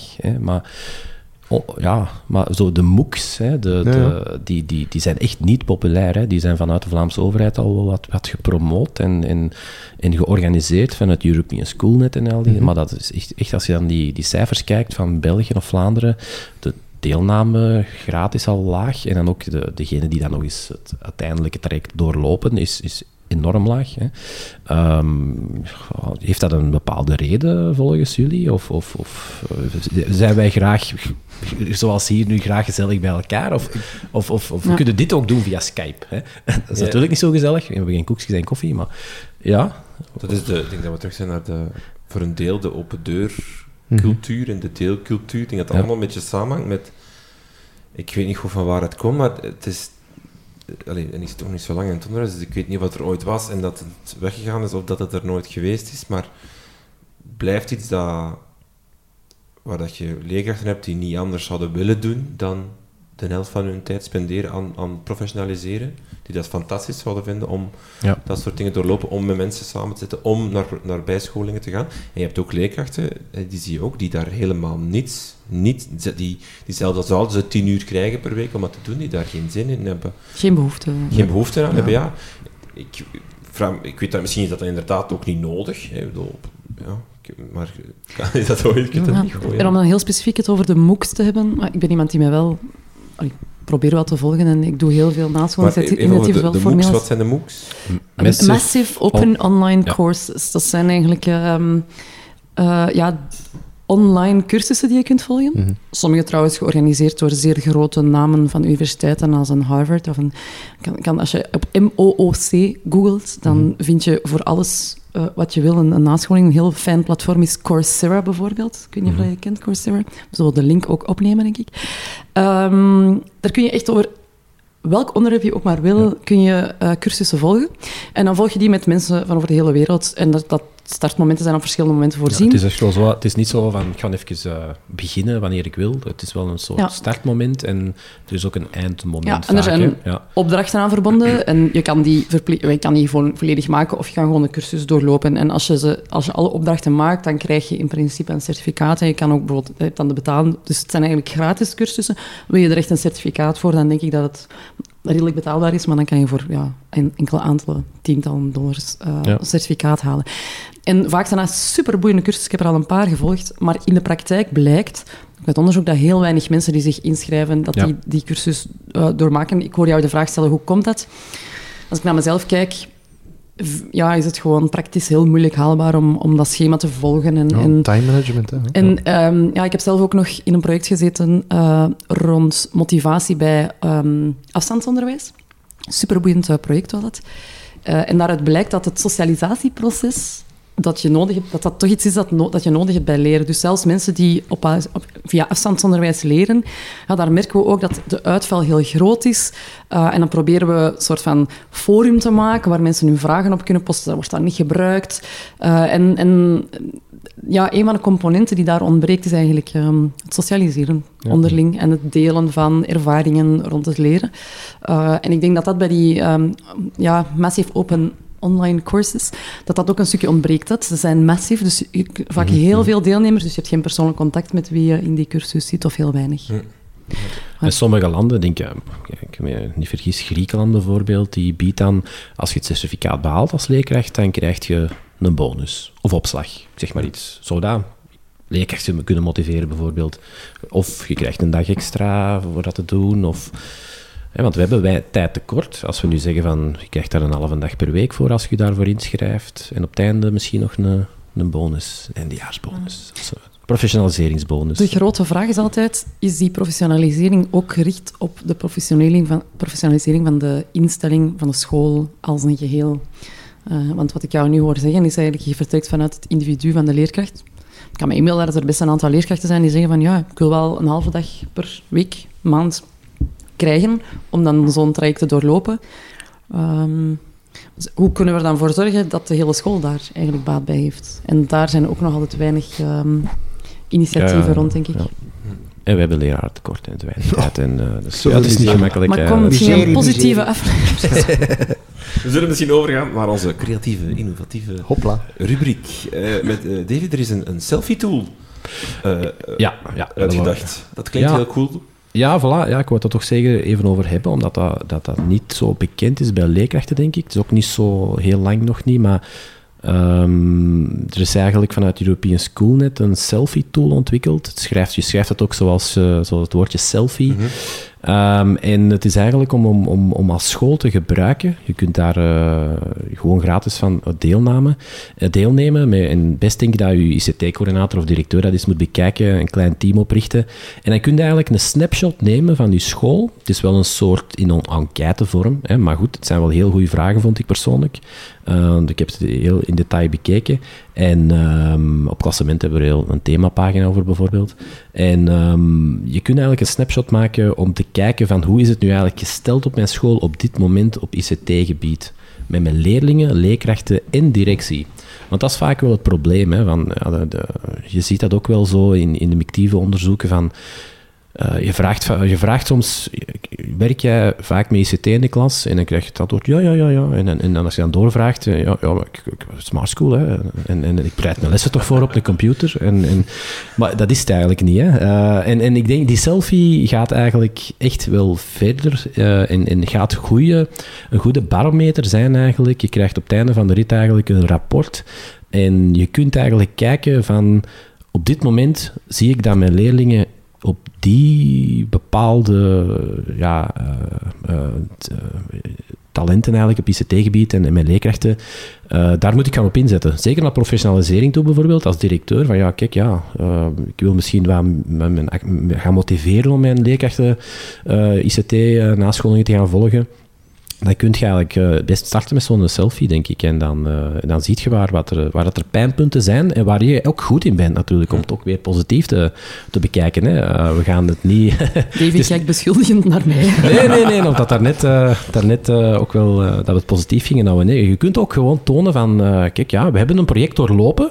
We hebben, weet ik veel, we zijn gestart met die innovatie of bring your own device op school. We zijn met laptops begonnen heeft dat eigenlijk wel resultaat gehad na 1, 2, 3 jaar. Hè? Het is uh, natuurlijk ook een snapshot, dus het is wel de bedoeling dat je dat ene keer neemt, je start aan een project en heeft dat eigenlijk resultaat gehaald. En dan kun je dat eigenlijk wel meten. Hè? Dus dat vind ik wel uh, toch zeker is te, te, vermelden waard hier. En uh, als leerkracht, als je luistert, bekijk het eens even. Hè? Een gratis tool, de ja. link waar je je kunt inschrijven, want je moet je nu nog inschrijven als ja, school. Je moet, je moet als school inschrijven, daarom hè, dat je misschien eens even naar je directeur stapt uh, en, en, en even bespreekt omdat die natuurlijk wel toestemming moet geven. En je moet er natuurlijk een beetje organisatie voor, voor, uh, voor uh, een beetje voor organiseren om een percentage van je school, van je leerlingen en je leerkrachten die te laten invullen. Hè. Dat is ja. vaak ook wel even, vraagt weer wat tijd. Hè.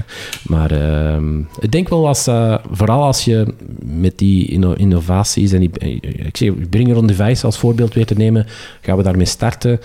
En wat impact heeft dat nu gehad na één jaar? Hè? En, uh, zijn mijn leerlingen ICT-vaardiger geworden? Wat vinden ze er zelf van? Hè? Daar dus doe je een meting voor je start met iets, ja. iets nieuws en dan doe je na een jaar nog een meting. Ja, en ja, dan kan ja, je helemaal... Ja, okay, ja, ja. En dan, zie je, dan zie je de werkpunten nog en de, waar je goed in bent. Ja. Oké. De, de link om je in te schrijven vind je op onze website. In de show notes. In de show notes. Ja.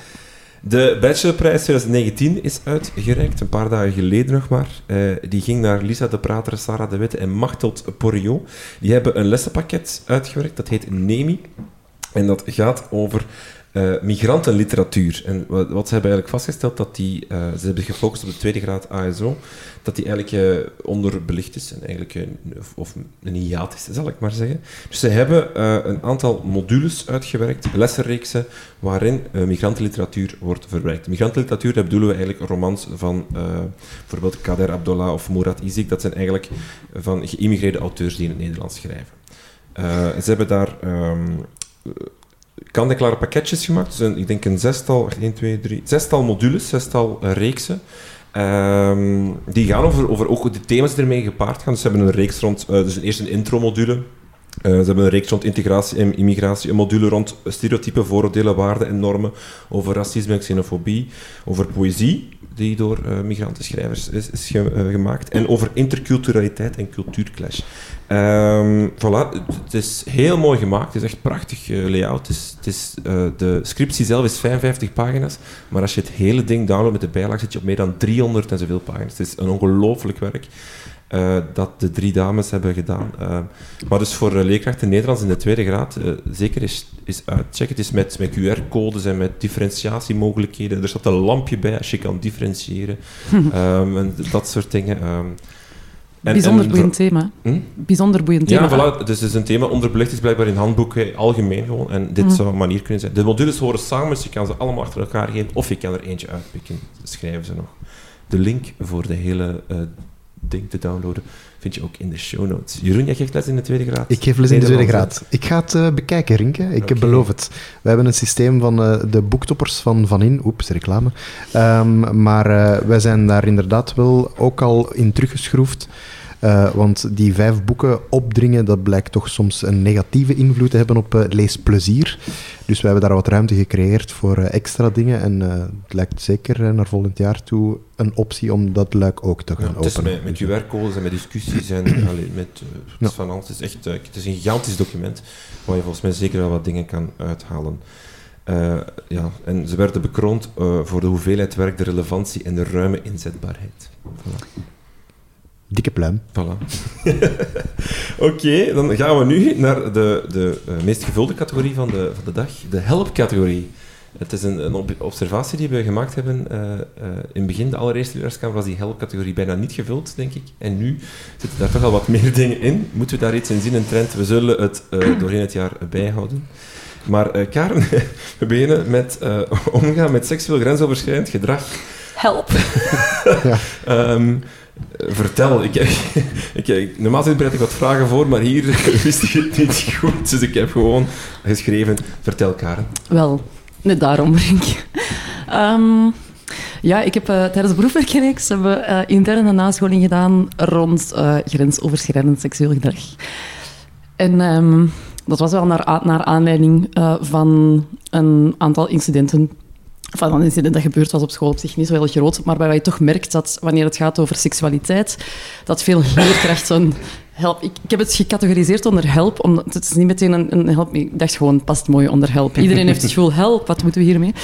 Um, en eigenlijk hebben we een um, workshop gekregen rond um, het categoriseren of proberen te objectiveren van grensoverschrijdend gedrag, om daar een objectiever beeld van te krijgen, om daar op een, ja, op een om daar mee te leren omgaan op school. Nu, het gaat over van alles. Hè. Is het oké als leerlingen hand in hand op school zitten? Is het oké dat er gekust wordt op de speelplaats? Is het uh, oké dat ja, jongeren experimenteren? En het is ook belangrijk dat ze experimenteren.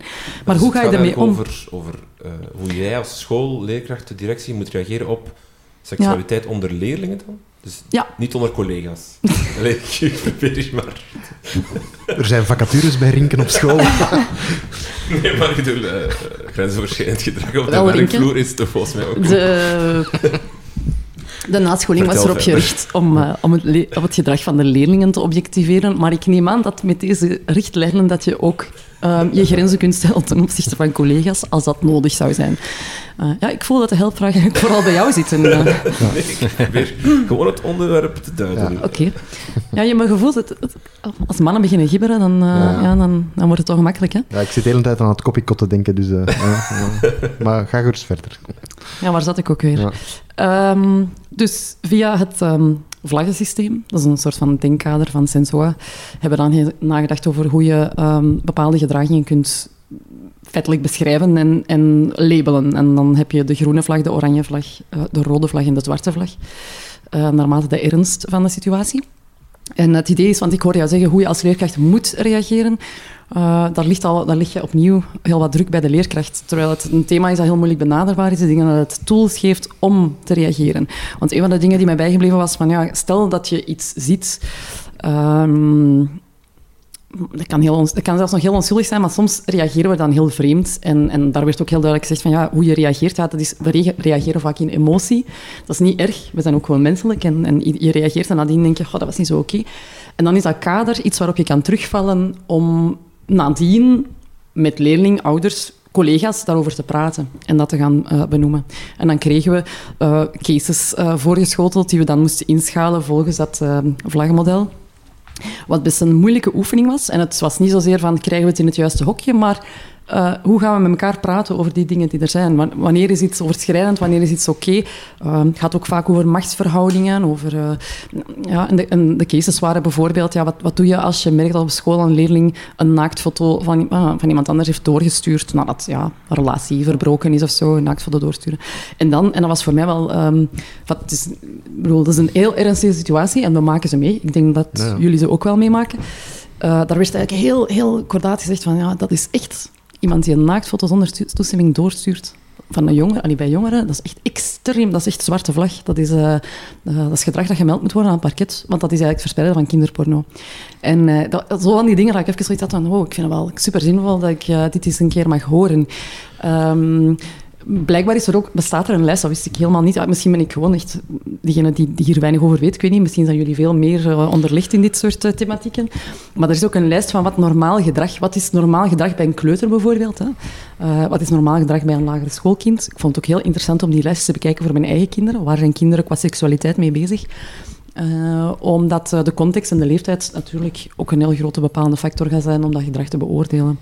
Uh, dus ik, ja, ik, ik, kan het iedereen aanraden. Ik zou niet zeggen dat het verplicht in de lerarenopleiding moet komen, want dan zitten we weer plaats, bij het rijtje. Die hebben toch niks te doen daar. maar ja, ik vond het voor mijzelf... Um, het was echt iets waar ik zo... Ik heb zo van een nascholing waar je denkt van, ah ja, hier, hier ben ik iets mee. Niet dat wij elke dag met grensoverschrijdend seksueel gedrag geconfronteerd worden, maar het is zo net die dingen waar je zo aan denkt van, ja, wat moet ik hiermee? En eigenlijk werd er ook gezegd als leerkracht, je hebt eigenlijk geen enkele taak buiten het signaleren. Uh, en, het, en het benoemen ook wel van wat je ziet. Uh, en dan wat er daarna volgt, je staat daar helemaal niet alleen voor. Het is niet dat jij alleen iets moet oplossen. Dus uh, dat vond ik ook wel een heel fijne, geruststellende boodschap.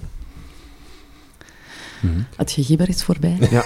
ja, ja, maar het was ernstig. Toch? Ja, nee, het is dus want, heel ernstig. Want, is het een, uh, want is, zit er ook een soort van gesprekstoel? Allee, zit, zit dat daar ook in? in want ik hoor je zeggen lijsten en, en, en, en, en, en die vlaggenlabels, maar is, zit er dan zo bijvoorbeeld, stel...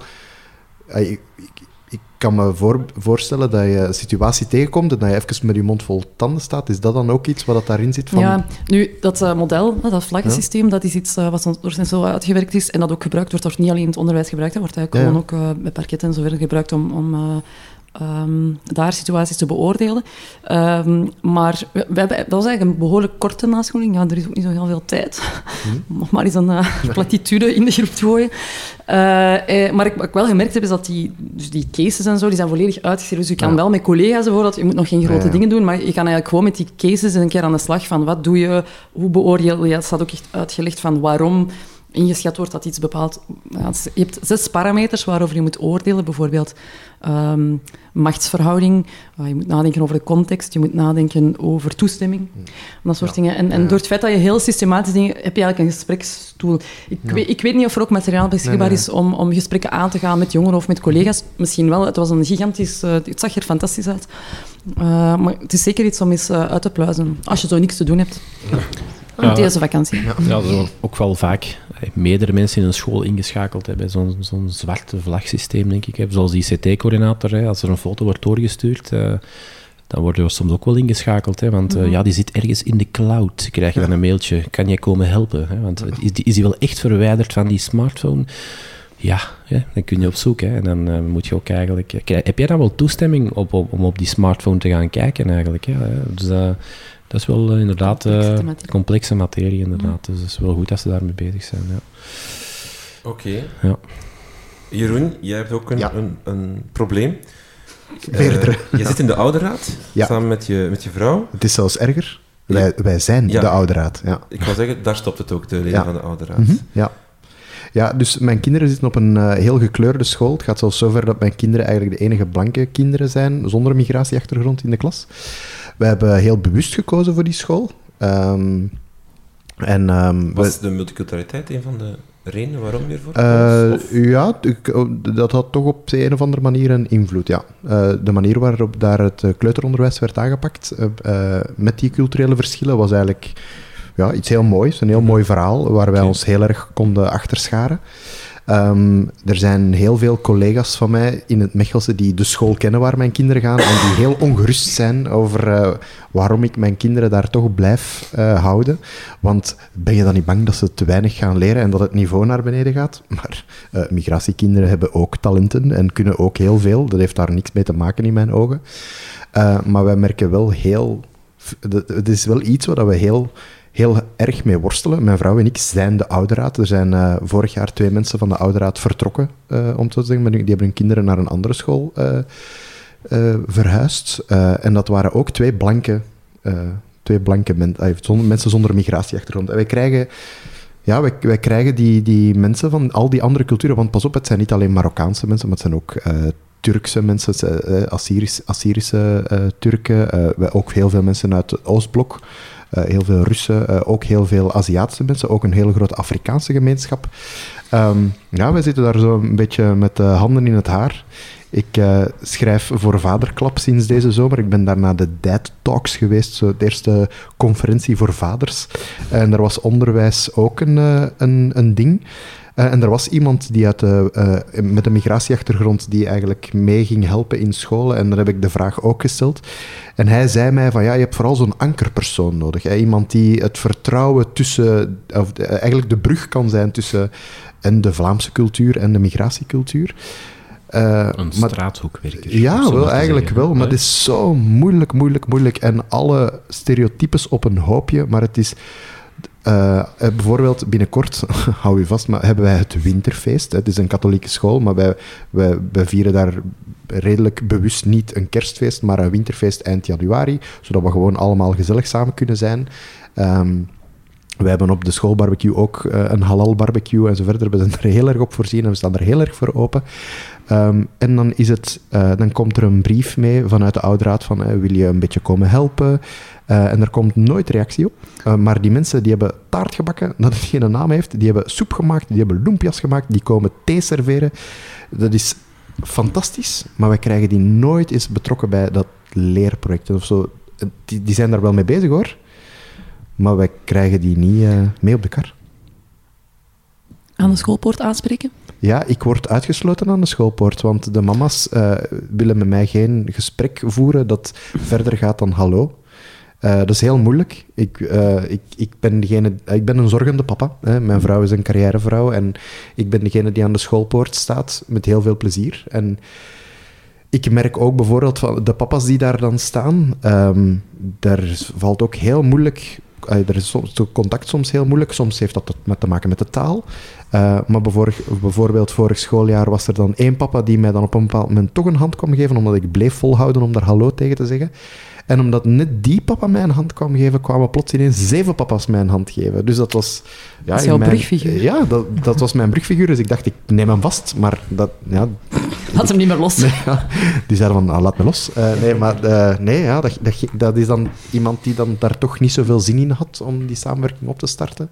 Dus dat is dan weer jammer. Uh, en er zit zo'n gedreven team van, van collega's uh, in die school.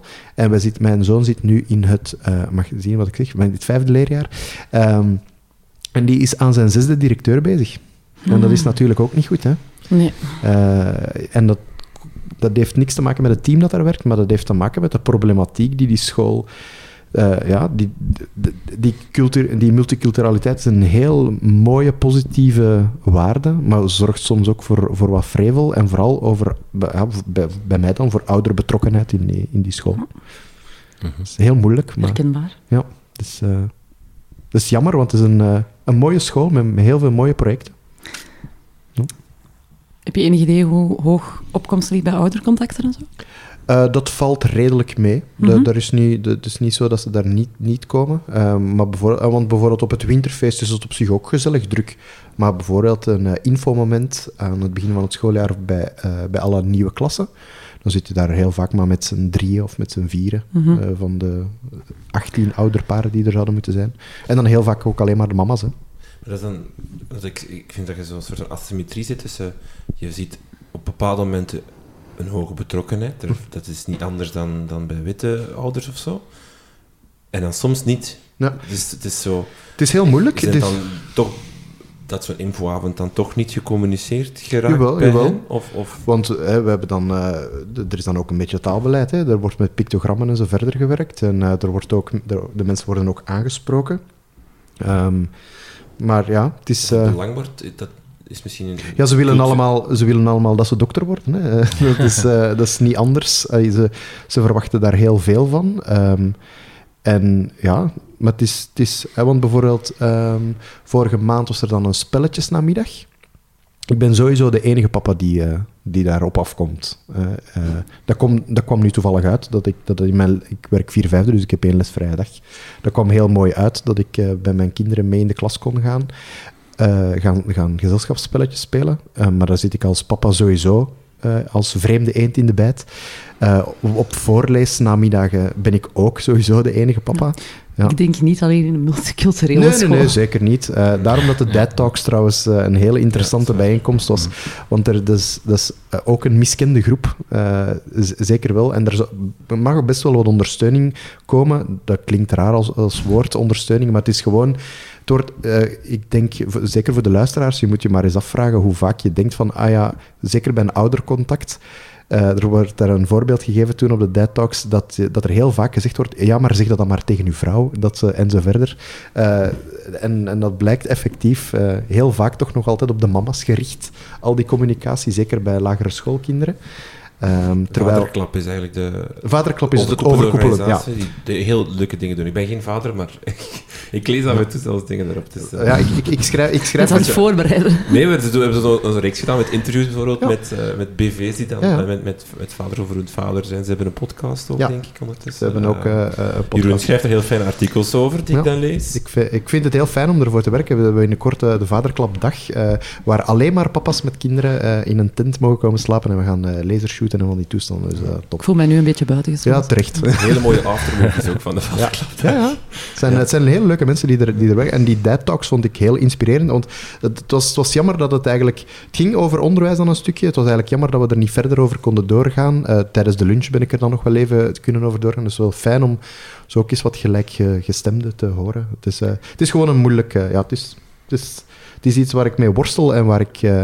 eh, ja, ook graag eens, eh, nog, misschien van andere mensen die aan het luisteren zijn, Ja. die, die dezelfde ervaring hebben. Eh, ik denk dat het eerder een kleine groep gaat zijn, maar ja, het- er zijn nog multiculturele scholen in Vlaanderen, toch? En in de wereld. Mhm, mhm. Ja. Ja. Ja. Contacteer ons, info.dekrijtijn.be op Twitter, de of Jeroen op Twitter, op Facebook. Ja. Ja, als je in- ervaring hebt, al, al was het maar gewoon dat we ervaringen kunnen samenbrengen, delen en van elkaar. Ja, eh, al waren het maar good practices. Voilà, eh, voilà, voilà. graag. Eh, ik, ik had ook een, eh, het is niet echt een probleem, maar eh, een, een ding dat in me opkwam. Ehm, de leerkracht en zijn voornaam was de, is de titel. Ehm, eh, door een incident in de klas bij ons ben ik ben erover beginnen nadenken over in de, dat we in het secundair onderwijs vaak mevrouw of meneer en dan de achternaam, hè, meneer Heremans, eh, mevrouw van de Kruis en zo verder. Ehm, waarom gebruiken we niet gewoon de voornaam? Ja, dat doet me een beetje denken aan, eh, aan het incident met onze koning, hè, met Fluppen. Ja, uh, Conor Rousseau die eh, op, Ja, op Instagram of waar, waar dan ook. Ja, ja. Ga naar de gezet, Ja, Ja. dat is, ja, daar kwam ook kritiek op. Hè. Ik denk, ja, dat- Maar ik, denk, ik, denk, ja, ik denk dat- het een van de, van de kritiekpunten, denk ik, op het, op het vak, op, op het job van leerkracht, zal ik maar zeggen, is vandaag ook wel de dag van, ja, het respect is een beetje weg. Hè? En, ik denk dat er dan vooral de oudere garde misschien dan toch nog graag zich vasthouden aan, aan, dat, aan die meneer en mevrouw of juf, of op zijn minst, denk ik, en aan de voornaam.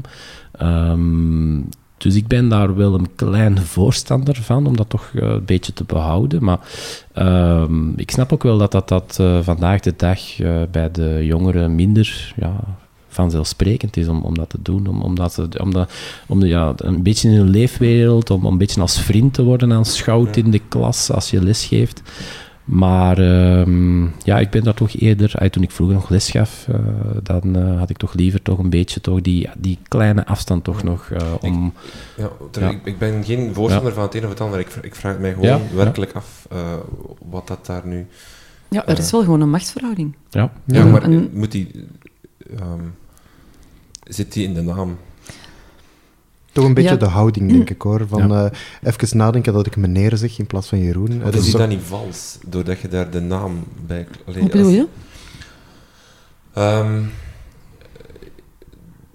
Als, je, als de machtsverhouding of het respect bijvoorbeeld alleen maar afgedwongen wordt door de naam, dan is, er, dan is die er eigenlijk niet. Want het moet altijd meer zijn het dan... moet, het moet ergens beginnen Maar ik, natuurlijk. maar ik denk Ja, natuurlijk hè. gewoon dat het een, een bevestiging is van, de, van, van het Ja. feit dat het toch een formele relatie is. Ja. Ehm, ik zal een voorbeeld geven. Als ik mijn mails onderteken, onderteken ik die altijd gewoon met Karen van de Kruis, graadcoördinator, graad 3. Ik heb best wel wat collega's die schrijven meneer of mevrouw van de Kruis. Dat, dat vind ik zo vreemd. Als je, allee, In welk ander mailbericht dat je stuurt, eindig je ook niet met meneer of mevrouw van de Kruis. Dat is echt heel vreemd. Dus ik, ik doe dat altijd van dag één. En dan zijn er altijd een aantal leerlingen dat heel vreemd vinden, die dan zien wat mijn voornaam is. Want vaak kennen de leerlingen niet Ja. altijd je voornaam. En door het feit dat ik dat systematisch doe, weten ze wel snel. En dan is er altijd wel één die probeert aan dag Karen. En dan... Ehm, dat zijn leuke... Allee, dat zijn manieren. Ik, ja, Ja. ik kan mij inbeelden dat een soort van beeld daar wel wat inspiratie kan bieden om hoe je met zo'n situaties omgaat. Uh, ik vind dat heel leuk. Ook op oud-leerlingenavond, dat leerlingen plots zeggen, oh, nu mag ik toch Karen zeggen? Je mag dat. Tuurlijk. Doe maar. Maar je voelt meteen, dat door het feit dat ze dat zeggen, dat ze, dat, dat toch op een of andere manier... Ja, ik, doe mij maar mevrouw van de Kruis. Ik, heb zo, ik, ik kom vaak leerlingen, oud-leerlingen tegen in, eh, in, ja, gewoon in de stad. Of in, eh, ik ben nu bijvoorbeeld aan het bolderen, indo- indoor klimmen. En daar kom ik ook heel vaak oud-leerlingen tegen. En, eh, en die zeggen dan heel vaak, ah, dag meneer. Eh, en dan zeg ik, ja, maar nu mag je Jeroen zeggen.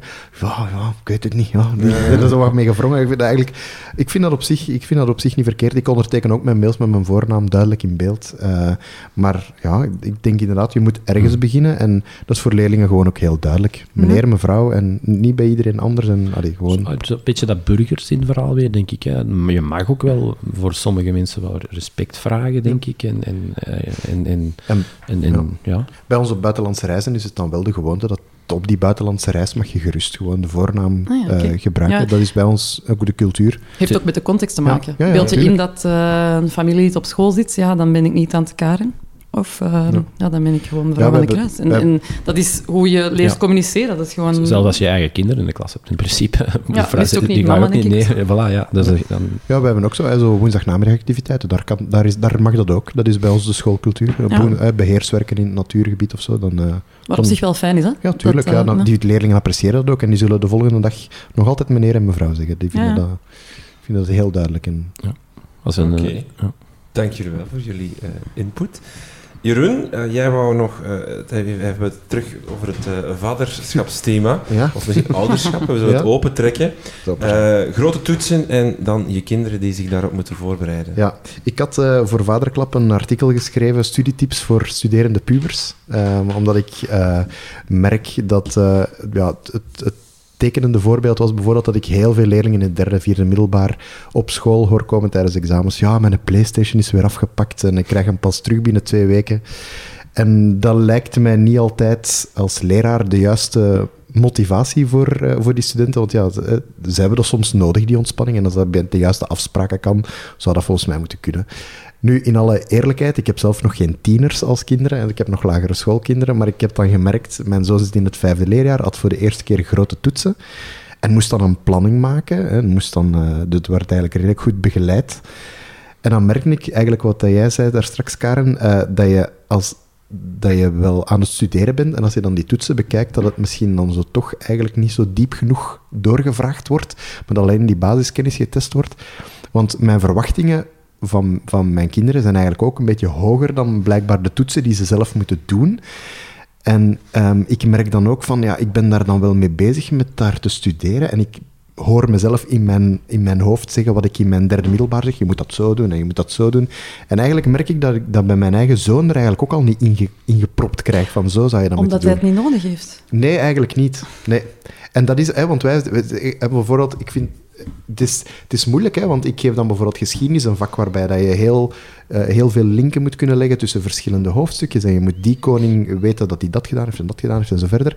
Maar als, hij dan, als mijn zoon dan met zijn hoofdstukje WO afkomt over de Eerste Wereldoorlog, en dan laat hij zijn voorbereiding zien, dan heeft hij... eh, ja, Duitsland en dan eh, België en Frankrijk opgeschreven en dan zo nog wat dingen in West-Vlaanderen en, en daar blijft het bij. En dan zeg ik van, ja, maar waarom heb je dat niet opgeschreven? Ah ja, dat zijn de tien belangrijkste woorden. Ik zeg, ja, dat, maar zo, dat, zo stopt het niet. Hè. En dan, ja, ik, vind, ik vond het eigenlijk heel moeilijk om... eh, eh, ja, ke- ja, de kernwoorden. Hè. Dan was het tien kernwoorden, dan was hij voorbereid voor zijn grote toets. Dat vond ik zo wat moeilijk om, om dat een plaats te geven van, ja, ik verwacht er eigenlijk meer van, maar moet hij nu meer kunnen dan dit? Ik vond dat heel moeilijk.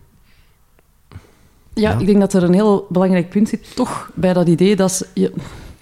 Er wordt veel gepraat over planning. Ik bedoel, mijn zoon in het zesde jaar moet ook een planning maken. Technisch gezien heeft hij die niet nodig. Maar hij moet het wel maken. Ja. En dan creëer je zo'n soort van... Leerlingen weten wel hoe ze moeten plannen, maar ze hebben nooit het... Allee, in mijn, het geval van mijn kinderen hebben ze de functie van plannen niet door, want ze hebben het eigenlijk niet nodig. Ze zouden het ook gewoon de dag voordien kunnen doen.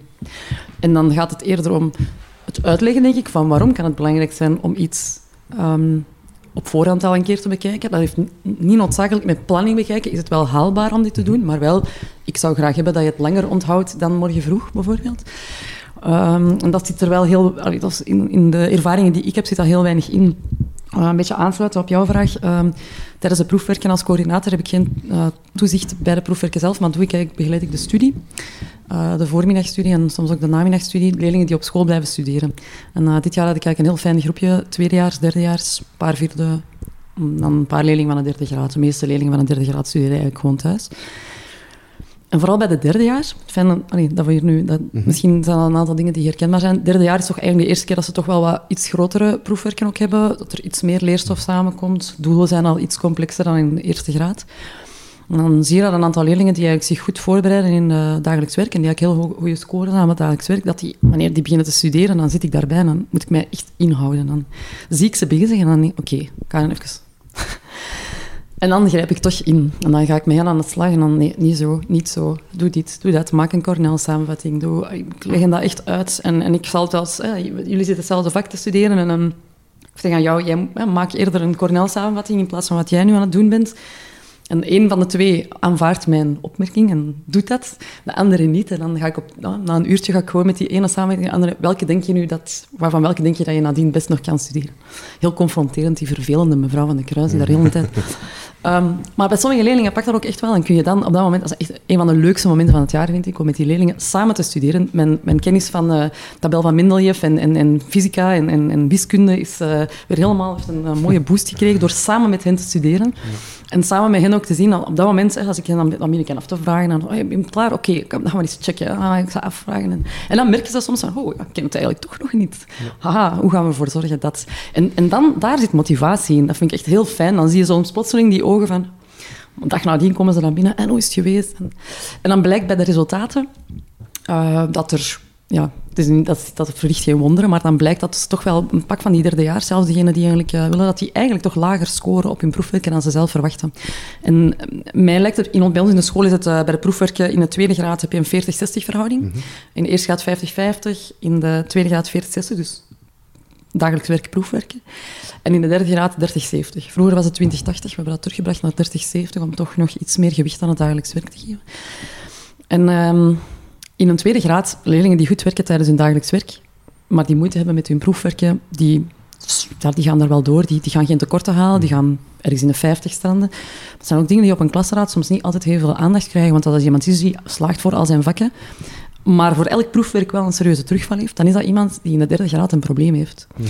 Dus nu had ik zelf echt wel het idee van we moeten iets doen met die leerlingen, zeker met diegenen die voor dagelijks werk goed presteren hoe ga je daarmee, hoe, hoe studeer je goed voor proefwerken? En, en hoe, hoe zorg ervoor dat je een proefwerk goed aflegt. Want goed formuleren op een proefwerk kan je ook punten... Ja, het is, het is um, daarom dat ik, ik zou echt graag dus een wat hele warme oproep om iemand van de lagere school hier mee aan de tafel te krijgen. Want ik, ik, vond, het, ik vond het heel moeilijk. Hè, want ik, bijvoorbeeld, wij maken aan het begin van het schooljaar maken wij een overzicht in het agenda van wat zijn je hobby's, wanneer ben je bezig.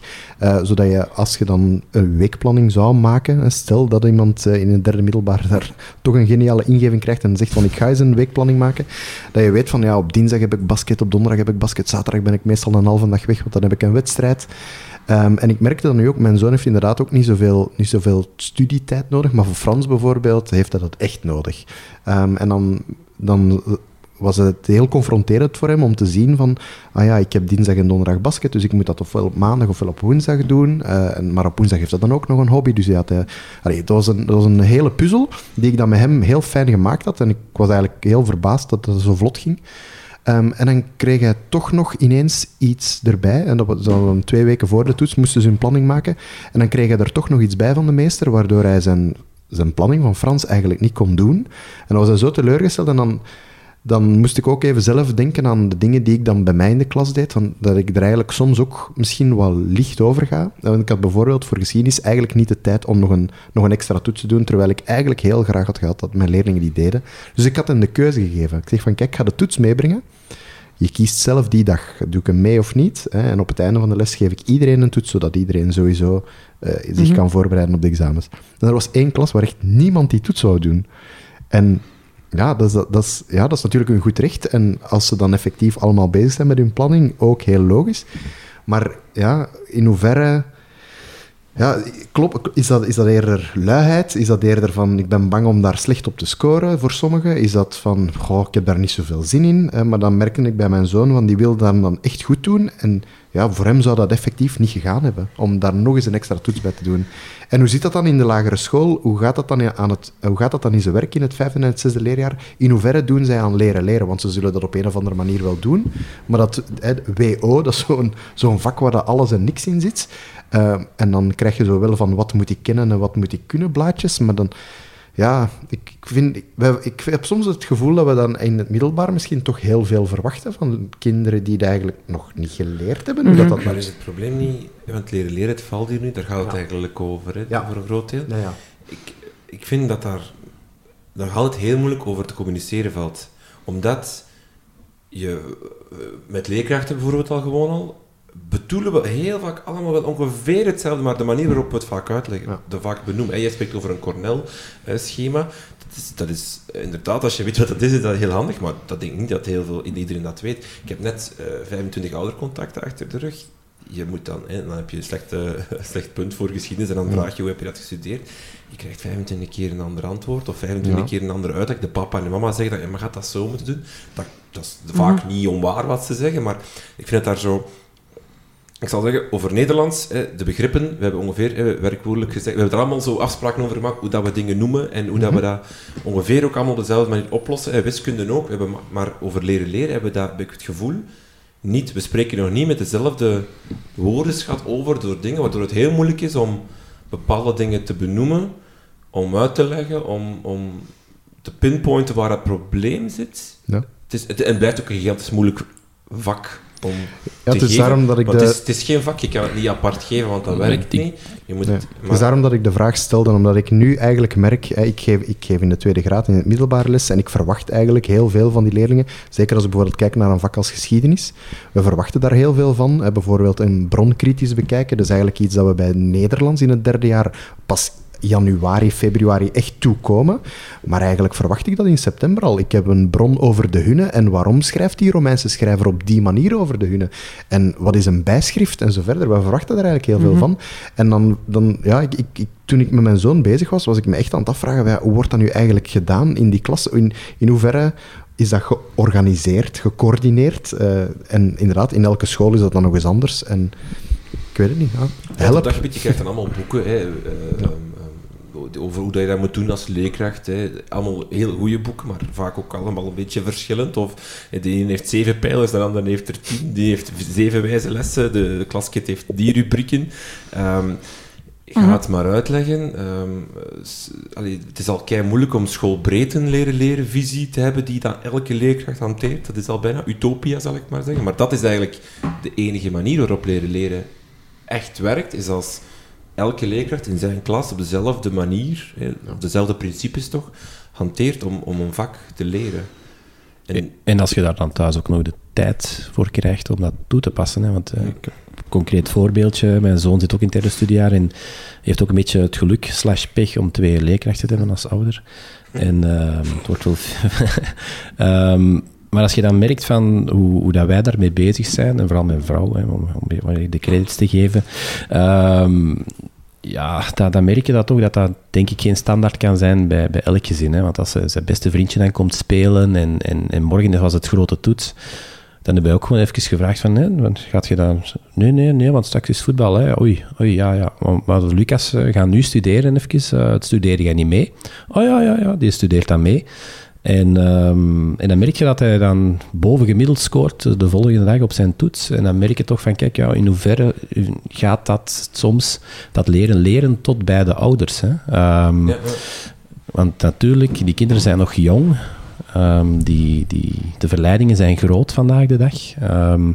en, en, en ja, als je dan het geluk hebt om, om, om, om goede ouders te hebben die er ook tijd voor maken en mee die planning willen respecteren, Um, dan ben je wel in een luxe positie, denk ik, vandaag de dag. Um, en ik denk dat jullie daar als leerkracht ook heel veel ervaring hebben, dat, uh, dat die ouders daar ook wel een beetje een, uh, een betrokkenheid moeten tonen. Hè? Allee.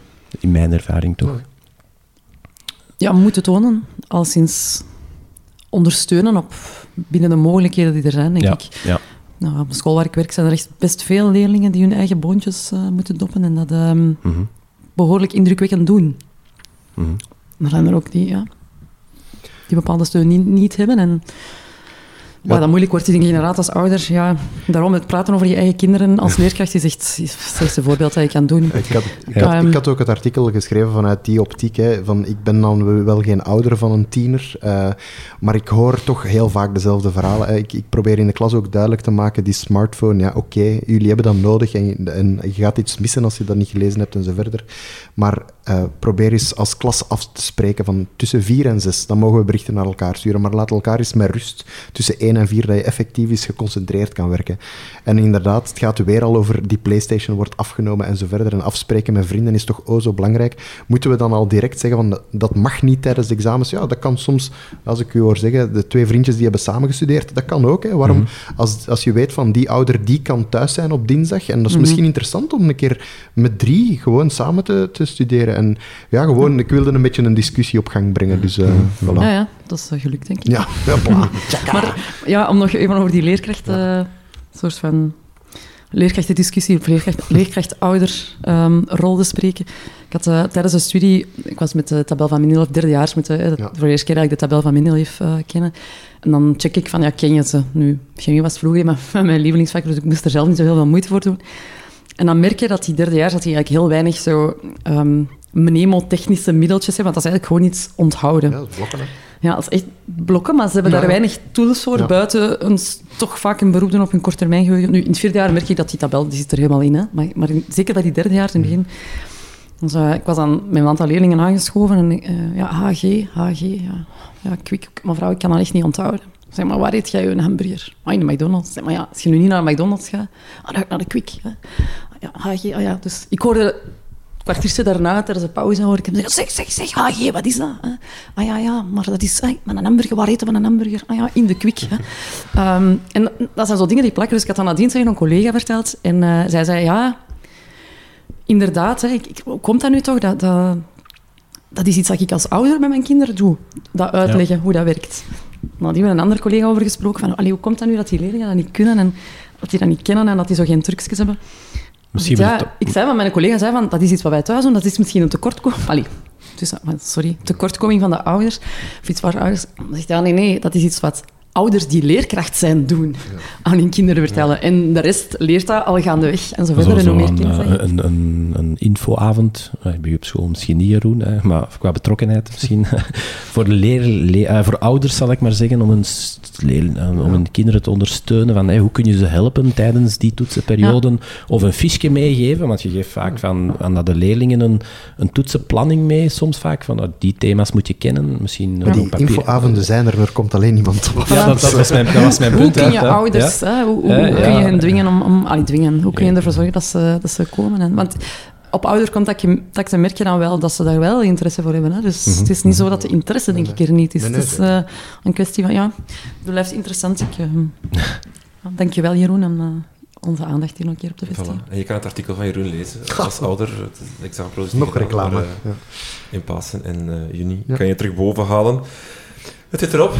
Hè. Voilà. Ja, de koffie is ook Dankjewel. op. Dankjewel Jeroen, Karen, Davy, voor jullie eh, bijdrage en jullie fijne raad en advies en eh, eh, ideeën met ons te delen. Alle artikels en websites die aan bod zijn gekomen in deze uitzending staan op de website www.dekrijtlijnen.be. Ga daar zeker eens in snuisteren. U kan onze podcast financieel steunen via www.patreon.com slash de krijtlijnen.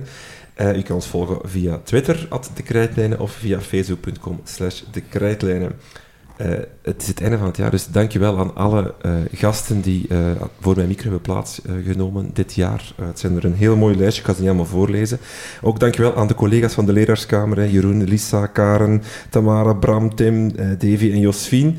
En als u thuis die luistert, dankjewel om zo massaal te luisteren in 2019. Het was het eh, allerbeste jaar voor de buiten de krijtlijnen ooit. Ook nog maar ons tweede, maar toch ook het allerbeste. Eh, en hopelijk luistert u weer zo in, eh, in, in 2020. Fijne feesten en een fantastisch nieuwjaar. Tot binnenkort.